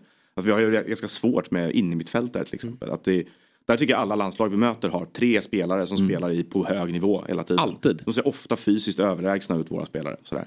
Eh, Så det är väl ett, en problem. Men sen, ja, han har en poäng i att försörjningen av spelare till landslaget inte är, är tillräckligt bra. Men så här dåliga är inte Sverige. Alltså det ska inte se ut på det här sättet som det har gjort nu. Och just det här framförallt den här mentala skörheten. Alltså att alltså, de är ju så, så oerhört bräckliga. Att, jag menar, det är ju det är en kollaps, i en individuell kollaps i andra halvlek. Han behöver inte ge bort tre mål per halvlek för att han spelar. Liksom. Utan det är, det är någonting som inte, och det tror jag är, kanske är en ledarskapsfråga också. Att någon annan måste liksom ge det här laget stadga och självförtroende. Ja eller att de här spelarna inte har utbildats med det över tid. Att så här, eh, Dejan Kulusevski, har inte han lärt sig liksom, vad behöver matchen när vi har släppt in ett sånt här mål? Första målet och sen tar den här, har det här bolltappet som han har som gör att vi släpper in ett till. Och sen är på väg att göra det tredje gång. Alltså att vissa spelare kanske inte är Alltså lär sig det här liksom, att kunna känna av en match. Alltså lite som Sebastian Larsson och Micke Lustig var experter på när de var i landslaget. Att de hade en sån hög lägstanivå. Men vissa spelare, jag vet inte om det är alltså, mm, individuell taktik. Att man liksom inte över tid har lärt sig liksom att hantera olika typer av matchbilder. Jag vet Nej, vi- nu, för nej. nu fick vi ju verkligen se de, de fyra offensiva spelarna, de bäst, största spetsspelarna vi har på planen samtidigt. Och så blir det sånt där och blir ett kollektivt eh, fall i den andra halvleken. Ja, men den, jag tycker den, att det- om man minns playoff-matchen mot Polen Mm. så är Sverige klart bättre tills Polen gör 1-0 Mm. och har massa chanser. Ja, ja. Och så fort Polen gör mål så bara allting bara kollapsar. Mm. Och det där har ju varit så i flera matcher. Det liksom är när det väl rämnar, rämnar det. Liksom. Då finns, man håller uppe någon nivå men sen, sen så är det som att verkligheten har visat sig för dem och så klarar de inte av att, att spela längre. Så det, nej, jag tycker att det är, det är klart att det är en förbundskaptensfråga nu. Det går ju inte att snacka bort de här senaste Nej, åren. men jag tycker- men, nej. men och, och så här, vi kan ha misslyckad talangutveckling i Sverige men vi kan ändå ha 11 bra spelare. Det, Zlatan var ju ingen produkt av ett fantastiskt talangutvecklingssystem. Och Jag är inte säker på att Haaland är det heller. Även om han tajmar lite bättre era för Norge idag. Så att 11 bra spelare. Ja, vi, nu ser vi ju liksom. Det börjar, Emil Holm ser ut som en spännande högerback. Vi ska kunna få till två mittbackar. Rätt utveckling på Kajust och Hugo Larsson eller Ajari eller någon till. Sämsta. Så har vi ett mittfält också. Så det där är, det är inte så svartvitt för mig. Utan att, att eh, det är kört för all framtid bara för att vi inte får till det. Liksom. Var det en liten knuten näve för bokförsäljningen att Sverige torskade? eh, eh, Svaret ja, på- Ja, men kanske. Ja. Men det jag ville komma till med Janne, jag tycker nästan den här förlusten ger honom nästan upprättelse. Okej. För jag tycker det, det här, så här blir det när vi har, han kanske har rätt med att man inte kan ha alla de unga offensiva spelare på planen samtidigt. Då blir det så här. Ja, du vet, det var en, det var en Twitter-elva som spelade. Ja, exakt. Vilka, det hade, hade inte skett med Viktor Claesson på, på banan. Nej men... Rodén. Nej, men jag slår inte fast vid det men jag tänker att snarare än att lägga det på Jannes vi tycker jag att det, det, att det här här laget- som blir problematiken att slänga in bara offensiv kvalitet på planen samtidigt. Att det blir så här när vi får motgång vi har svårt att hantera. Ja, men det kanske inte har med offensiv kvalitet att göra utan det har väl med mental kvalitet. Mentalitet helt enkelt. Att de, inte, att de faller ihop. Vi har ju inga Mm. ledare där ute. Alltså Sebastian Larsson, Micke Lustig. Det de var starka och, och eh, Granqvist dessförinnan Marcus Berg. Det är ju- det var ju ledare. Det var inte deras- ledare. Ja. Ja. men det är kanske det Janne har oroat sig för tidigare när han Jo, men har jag tycker inte att de spelarna saknas här. Så Viktor Claesson ser inte jag som någon superledare. Sen kanske han har styrkor i defensiva spelet som, som Kulusevski saknar. Men jag tycker ändå att den första halvleken visar på vad vi kan få ut av det här materialet. Mm. Sen måste vi sitta ihop som, som, som lag över 90 minuter. Eh, Och, och det där får ju inte ske. Eh, Jag, jag håller med dig. Och Forsbergs försvarsarbete på, på det precis. första målet. Det, det är ju... Nej, men det, och, det, och det är märkliga, det här lagets, landslagets röst bland spelarna. Den som liksom adresserar saker minst filtrerat och, och sådär. Det är ju Kulusevski Ja, det hela det. tiden. Mm. Men han är ju ytter. Det är ju inte liksom, ska du, ska du mobilisera ett lag under en match så har jag alltid upplevt att mittbackar och innermittfältare är de som behöver nå ut med budskapet det är ganska mycket. Liksom. Så det är ju lite synd för annars Ja. tycker jag han är, han är väl den spelaren som man tittar till att sådär att är det någon här som har kravställan som en naturlig del i sitt spel så är det han egentligen. Så jag tror att vi behöver en ny röst för att liksom, eh, de yngre spelarna behöver kanske en yngre förbundskapten. Som förstår deras språk, som kan prata. Jag, tänker inte bara taktiskt, jag tycker väldigt många fastnar i det här taktiska hjulspåret att spela 4-4-2, det är tråkigt. Men jag tror också mer att känna spelarna bättre. Ja, nej, men det är nog rätt många som är överens om att det behövs. Ja, nej, men det, och det kommer det ju bli. Men då är frågan då vem det blir. För Ja. det är inte heller lika lätt att, att eh, Nej, det är peka ut någon ersättare. Det är ju väldigt tufft. Och det är också kanske ett problem då i, i svensk fotboll. Att vi inte bara på ungdomssidan, att vi även på, på seniorsidan har, har problem att få fram Tränare menar du? tränare. Ja, det tycker jag är svårt att avgöra. För jag tror att de som vi har i Allsvenskan, de har ju otroligt, det har ju alltid varit en barriär för dem att få testa sig internationellt. Liksom att det är svårt att bedöma hur hade det gått för Kim och Tolle i Bundesliga till exempel. Det, det är svårt att bedöma. Men eh, nej, det, det är ju de här namnen som har figurerat nu är ju de det skulle handla om. Alltså Högmo eller Kim och Tolle eller Thelin baserat på resultat. Mm. Även om jag tror att det finns samma problem med både, kanske problem eller samma utmaning med Kim och Tolle och Thelin. Att det är lite för processdrivet och långsiktigt allting kanske på så kort tid. Mellberg ju, jag, tror bland annat Simon Bank en annan också som föreslog Mellberg. Och det är Fabian Ahlstrand också. Ja, du har föreslagit. Mm. Ja. Han är en matchcoach och liksom, eh, man pratar om mentalitet och röst och liksom så här. Så, ja, jag, jag tycker han känns lite intressant. Jag vet inte vad det är för uppställning, men Håkan då? Eriksson. Ja. Nej, jag tror att det är fel. Nu. Men du sa att han gjorde bra resultat, han har inte vunnit en match ju. Men då? Du sa att han hade gjort jättebra resultat i Färöarna. Ja, han var har inte vunnit en match. Det var, han har vunnit lite. Han har vunnit Färöarna, jag lovar. Du får kolla lite längre bak. Nu har han En lite kravställan kämpat i kvalet. I Nations League, då möter de lite likvärdiga motstånd. Då, då är han lite, lite rappare. Han har ju en titel också. Nej, men, och jag känner Olof Mellberg kontra de andra eh, gamla stornamnen som nämns. Han har ju faktiskt varit tränare. Alltså Fredrik Ljungberg har ju inte varit fotbollstränare. Nej, det är för mig ett helt obegripligt förslag. Så det är baserat på någon fantasi. Alltså, Ja. det, var, när, Det känns ju som att i, i sändningen här senast, han har ju växlat upp i hur han pratar för att få, eh, kanske få möjligheten till frågan. det var han lite mer av en ledartyp i, i studion och, och hade nästan ett brandtal där i hur... Nej, det, det skulle göra tycker. mig helt perplex som han fick det. Och det är samma sak med förslagen om Henrik Larsson. Alltså, Skillnaden på Mellberg och Larsson är ju att de har haft väldigt olika framgång när de har tränat klubblag. Alltså, Mm. Mellberg, ja, visst, nu har Mellberg kanske gjort vissa val av klubbar som man kan ifrågasätta på slutet. Men hans BP liksom projektil rakt upp i allsvenskan som är ganska färsk ändå. Liksom, var. Mm. Det är som när folk väljer GV som statsminister. Så känns det när folk föreslår Henke det- Larsson som förbundskapten. Ja. Jag får ta den här frågan på allvar. Verkligen. Du, vi har eh, fler gäster på gång in i studion. Eh, men som alltid, kul att ha dig med Noah. Man brukar säga att poddar finns där poddar finns. Eh, poddar... vad säger Finns man? där poddar finns. Ja, Just det, så säger man faktiskt. Eh, var eh, finner man den sista utposten då? Där, ja, men där böcker finns. Ja, bokhandeln. Vad var det så? Ja. Inte i din brevlåda. Nej, precis. Ja, men jag får, Inte i din brevlåda. Inte med, men jag tar eh, Fabbes exemplar här. Du, du ska inte behöva offra till på mig. Det är någon, det är någon glad brevbärare där ute. Som, Kanske vi eh, läser den igen.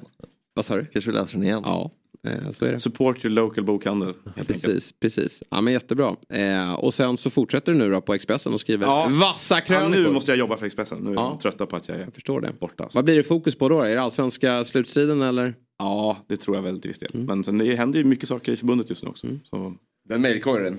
du? Här har vi ju ett erbjudande också till alla som eh, följer oss på Youtube och, och lyssnar ni på podd då får ni faktiskt eh, ta er till Youtube-kanalen för här har vi en QR-kod. Eh, via den här länken då, som man tar en, eh, klickar med sin mobil då. Jag tror vi kan skicka ut den i, i sociala medier också, själva länken. Eh, men med koden Fotbollsmorgon då så får man 25 procent. Det var riktigt bra. Det är ju otroligt generöst. Den, är, den håller redan på att reas ut helt enkelt. Ja, exakt. Ja, nej, men vi känner att det är så viktigt det här. Eh, Och framförallt då för våra tittare och lyssnare att ta del av den här boken. Ja, Innan vi släpper det, vilka vinner guld och vilka tre lag åker ur? Eller Saudi. åker ur? Vilka tre lag blir där nere? I Saudi I Saudi. Ehm, I Allsvenskan? eh, Elfsborg kommer vinna tror jag. Ja. Det känns som att de har... Det är dags nu. Ja, det är bäst fart under fötterna fortfarande Yes. trots det som hände mot Värnamo. Och ut åker ju Varberg, Degerfors och sen så blir det nog faktiskt kval för BP till slut. Oh. Ja, jag det där är vad jag tror. Men det är, Fram till måndag. Och sen, det är baserat på att Sirius då magiskt skulle sluta eller skulle börja få betalt för sitt spel. Vilket ju känns som det mest osannolika som kan hända i svensk fotboll. får de det inte på eh, söndag eller lördag när de nu spelar mot, eh, mot Varberg, då, då får de det ju aldrig. Nej. Så det är viktiga matcher på spel nu i de sista åtta omgångarna. Stort tack Noah Tack eh, för att du vill vara med. Vi går på ett kortare break och när vi är tillbaka så har vi Rasmus Mappadags Björk och Niklas Meter med oss. Där är vi tillbaka i Fotbollsmorgon. Jag heter Jesper Hoffman, jag sitter här med Fabian Ahlstrand. Och eh, vi har eh, släppt ut Noah Bachner och eh, Robin Berglund. Mm. Robin skulle till sitt eh, andra jobb som han faktiskt har vid sidan av det här. Då. Han gör ju mycket saker.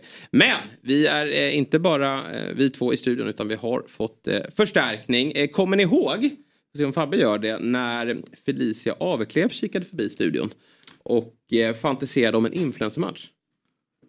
Ja men det var ju nyligen ju. Mm, du var Ja. ju här då. Ja, ja. det var ju bara det hade varit märkligt om du inte minns det. Men jag tror även att våra lyssnare och tittare kommer ihåg det. Och tydligen är det faktiskt som så att det, det kommer att vara en influencer-match som ska spelas. Och den spelas redan imorgon den 16 september på Skytteholms IP. Eh, och det är alltså lag 154 som ställs mot Influencer FC.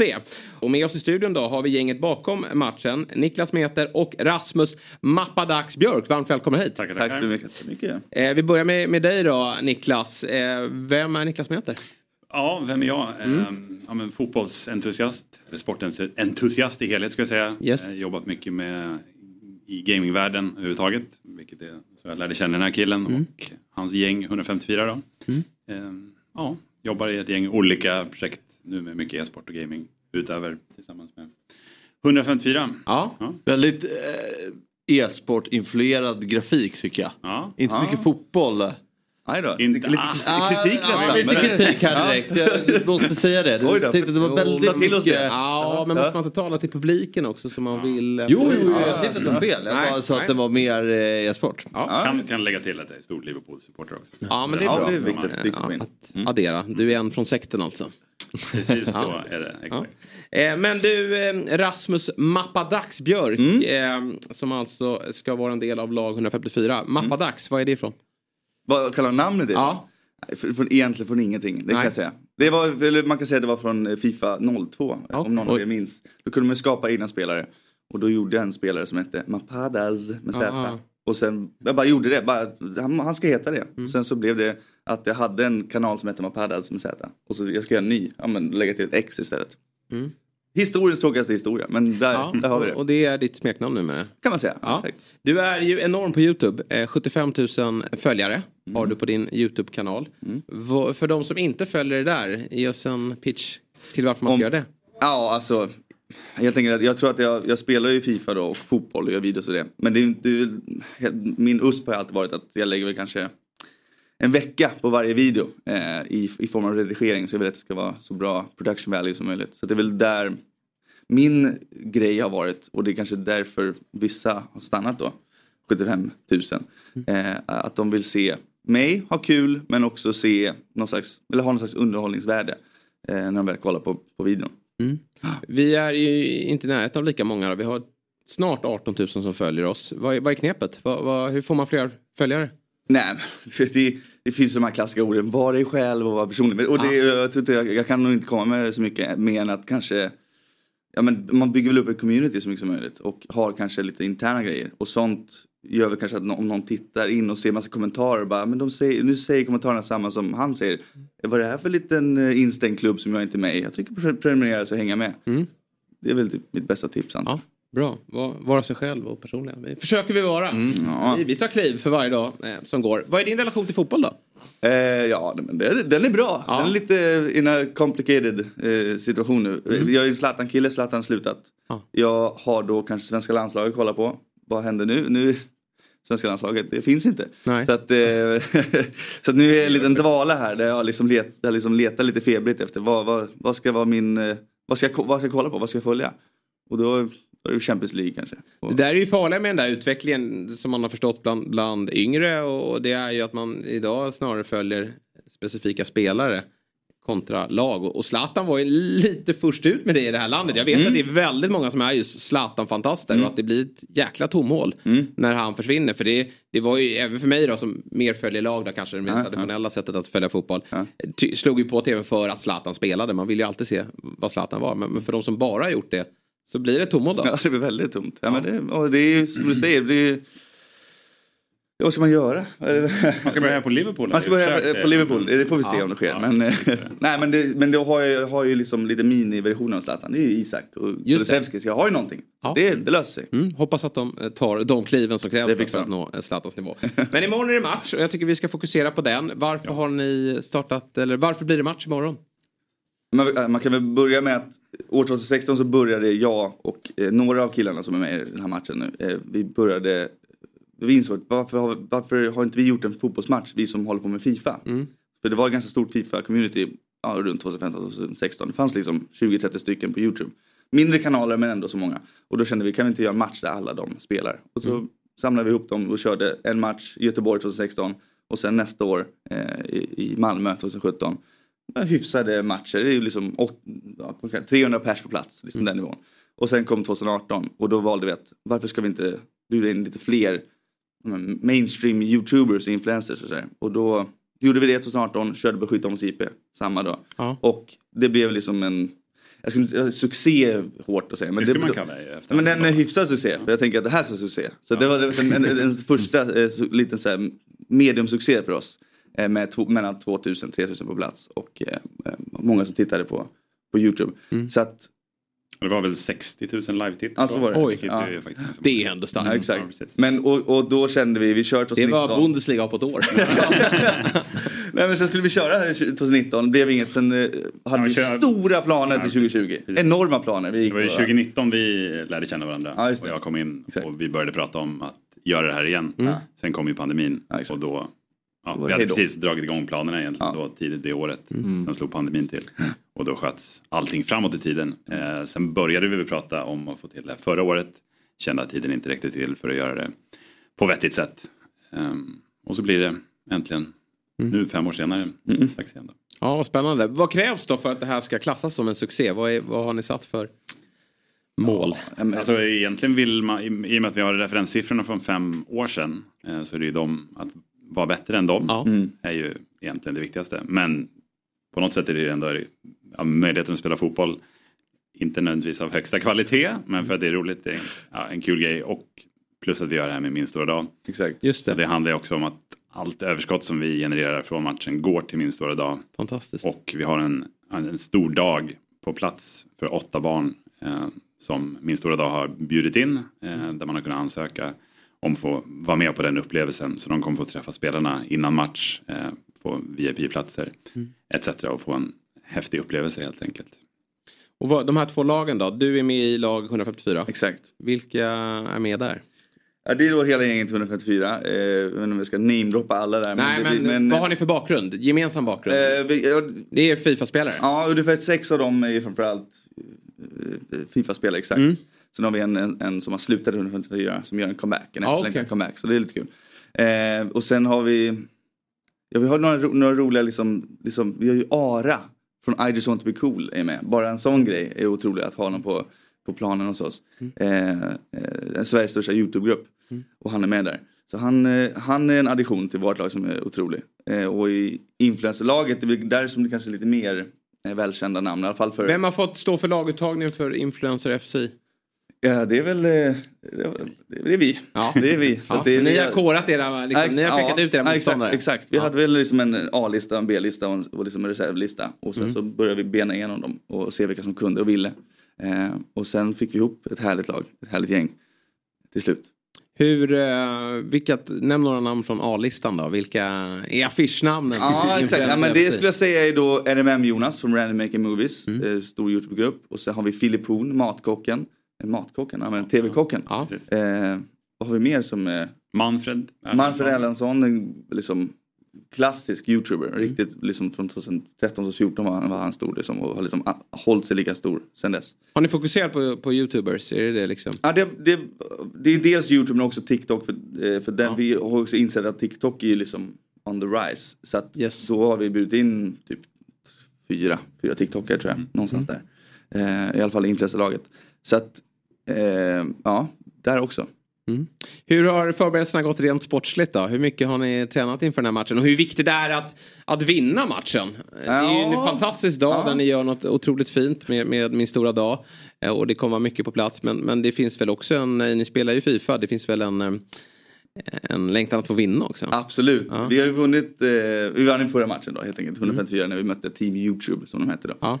Eh, så vi känner att vi måste behålla den här eh, pokalen så att säga. Eh, rent sportsligt har vi inte tränat i, i laget utan det är, det är mer individuellt att eh, vissa har vi kanske preppat, jag har ju preppat väldigt liksom, fysiskt, jag har tränat stenhårt i en månad och liksom sagt nej till vuxendrickan, den här gyllene vuxendrickan till exempel. Ehm, men eh, sen är det väl, får vi se hur mycket det spelar roll. Jag kanske går in och så får jag kramp efter 10 minuter, vem vet.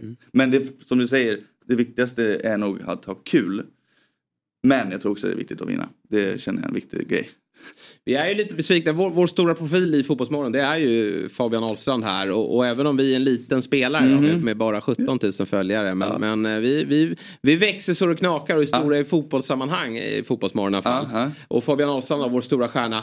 Han är ju även, han kanske är lite för bra på fotboll. Ja, för att det- han har ju en mm. bakgrund då, utlandsproffs i Australien, eh, halvlyckat sådär. Men, men också i division 1 då. Har han Oj. spelat och nu är han en framtida stortränare då. Så Mm. till nästa match så tycker vi att ni ska ha mm, Fabbe i, i åtanke. Men, men kanske att han är lite för bra. det, är, det, kan ju vara, det är ju ett av kriterierna, man får inte vara för bra. Nej, Vi har- okej. vi har Ja, med- kanske ni det är ska faktiskt- fokusera på mig då. Ja, vi, har, vi, har, vi har valt bort, eller ni har valt bort, spelare som är för bra. Det blir Ja, liksom det är inte... Det blir ingen content som jag säger. Det måste vara en rolig match med mycket. Jag förstår. Ja. Vad är, är två gånger 45 eller? Exakt. Ja det är så. Var det någon spelare ni var, mm, liksom, kollade på men som ni ansåg var för bra? Eh. Alltså som ni ändå hade lite på radarn att så här, den här... Hade varit kul att slänga in Ska vi hänga ut någon? Ja, det är, då hänger man ut dem. alltså, eh, man, ja, den, vad blir det? Backhanded Ja, men det står Men- avvägningar så här, men kan man ta den här eller inte? Vem... Alltså Jaha. fotbollsspelare. Är det en riktig fotbollsspelare? Ja, vi har, ja, det har vi pratat om också, ha mer riktiga fotbollsspelare också. Ja, det var ju, Eh, grundplanen var ju att få med en ikon då per, per lag. eh, Helt enkelt. Det har vi inte, ja, har vi inte jagat, eh, jagat ihjäl oss på. Varit lite.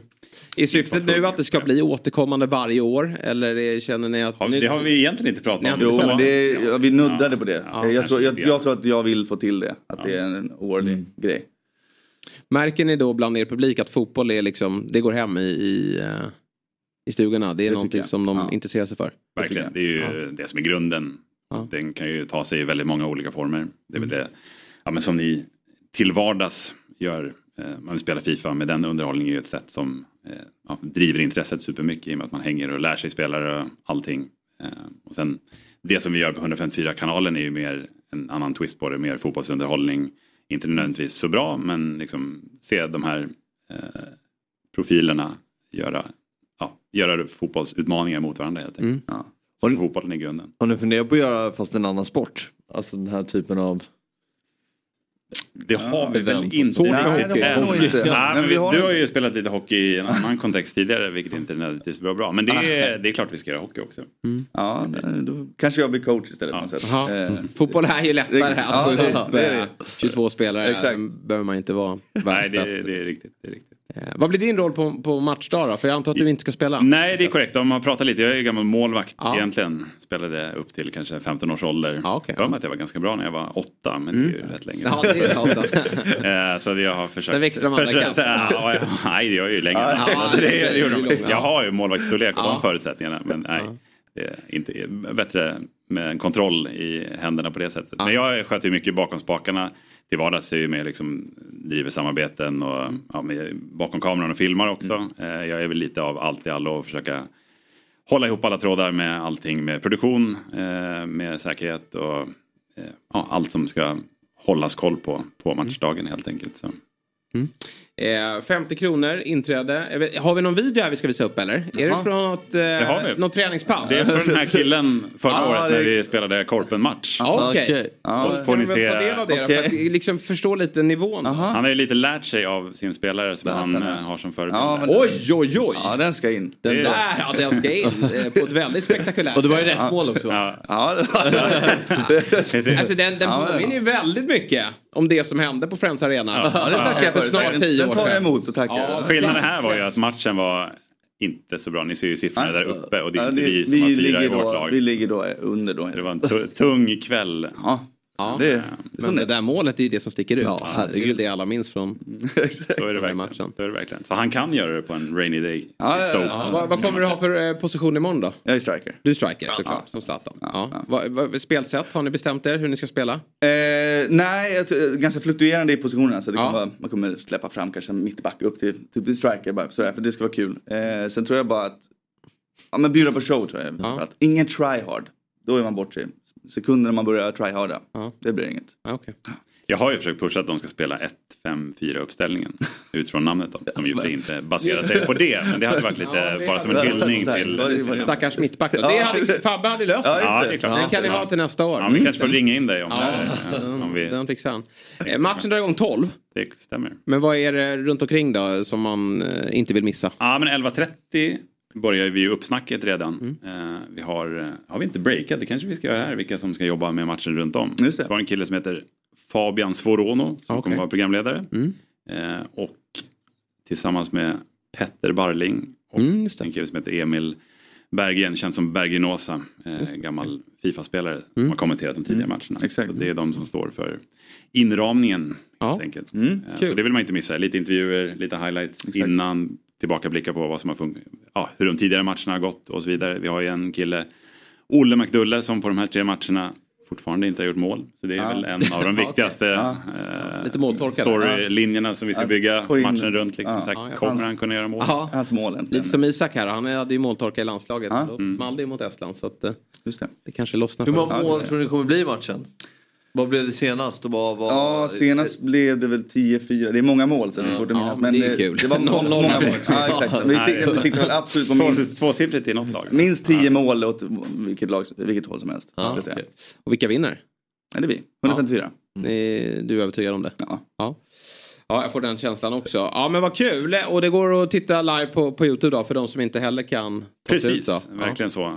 154-kanalen heter ju vår YouTube-kanal. Just det. Och vi sänder också på TikTok, 154 SE. Ja, ja. är inne Bra. på den appen. Men YouTube är huvudsändningen så att säga. Mm. Så in och följ där och följ oss. Och, och Det gör vi. Växer Verkligen. alla Hoppas tillsammans. Verkligen, verkligen. Ja. Mm. Vad bra, men då eh, får vi tacka så mycket för att ni tog er tid och lycka till då med, med eh, dagen imorgon. Förvänta mig, jag ska in och kika på ehm, matchen och förvänta mig att du eh, levererar. Något, Mm. något i Något i närheten av det där. Det fixar jag. En bissa, Ja. det blir Det fixar. Ja, stort tack Rasmus och, och Niklas för Tack att ni tog er Tack. tid. Ja, tack.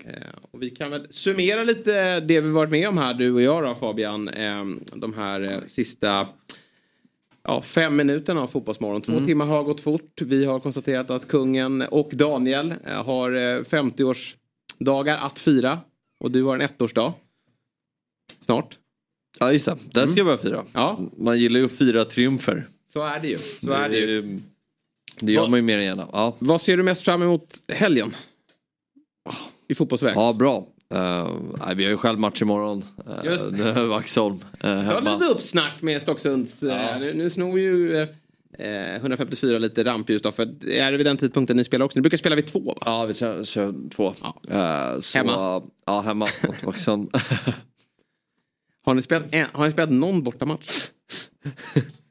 det är helt sjukt alltså. Ni är alltid hemma. Vilka möter ni? Och så alltid något lag som är sämre. Eh, Vaxholm, ja de ligger under. Ja, men det är, ju- också ju- helt... det är inte Nej, många har ni, lag. möter ni något Jo, men det är lag? inte många lag som ligger över oss tabellen. Det är tre stycken. Ja, men ni möter ju aldrig dem. Nej men nu, de kommer på... På löpande band sen? Ja, ja i och för sig. Det, det, det, Gött oss i torskarna sen. att det är bara tre matcher kvar. Ja, Det, det är också stört att det är över. Men och sen är det lång väntan till... Och det drar igång sent april också. Det är eh, längsta uppehållet i, i världen. Och det är ju de serierna som egentligen behöver min, alltså det är de som inte kan ha så långt Kan man ta någon vinterserie? Ja. Va? Jo vi ska ju försöka, vi ska ju hålla igång och träna och Ja. långt för. Vilket mörker alltså. Ja, ja nej, men det är väl bra Långt att få lite för. motion. Men okej, Vaxholm. De Vaxholm, minns hemma vi gjorde en bedrövlig insats mot dem senast borta. Mm. Ehm, Hemma, det går det också. ja, bedrövligt torskade va? Nej, 2-2. Men Ja. det var ju en uh, härlig insats från vår sida. Men nu, eh, det, det känns bra. Vi har fått upp ett bra gäng nu som, som kör hårt på träning. Så det ska nog också resultera sig i match. Mm, bra. Eh, och i eh, riktig fotbollsväg då? Ja, men allsvenskan såklart. ehm, Vilken match sticker ut tycker du? ehm, Ja, många krismöten alltså. Ja. Ja det är ju såklart AIK, nej det det AIK kom in där. Men Sirius Varberg imorgon blir spännande. Säg inte sådär nu. Men... Uh, ja, Djurgården-Värnamo va? Ja, men ja, alla matcher. Det är kul att det är igång igen. Mm. Man kan uh, få lite bilder och... Rita lite. Och sen är du och jag tillbaka då i vårt lördagsprogram. Där kommer vi, Ja. det var ju några som eh, frågade eh, lite vad jag tyckte och tänkte kring matchen i tisdags. Och vi ska ju ge utlopp för det här i vårt lördagsprogram. Ska vi prata landslaget. Och eh, även snacka upp helgen. Så att var med oss imorgon då. Eh, Fotbollsmorgon sänder 9.00.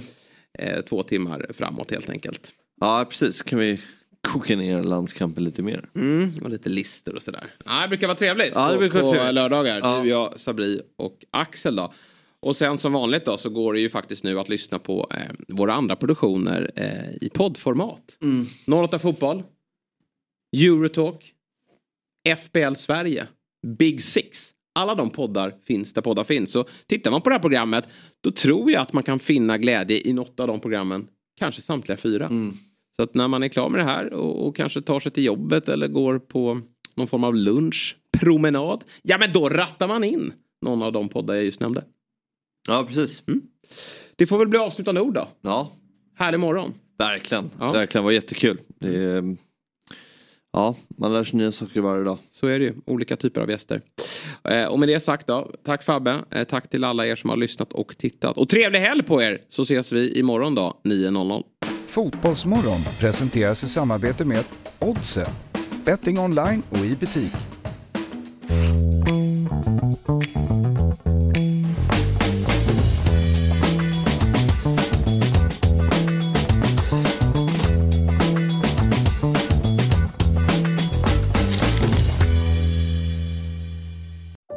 Säsong av Robinson på TV4 Play. Hetta, storm, hunger. Det har hela tiden varit en kamp. Nu är det blod och tårar. liksom. Fan händer just nu. Det. är Detta är inte okej. Robinson 2024, nu fucking kör vi! Streama söndag på TV4 Play.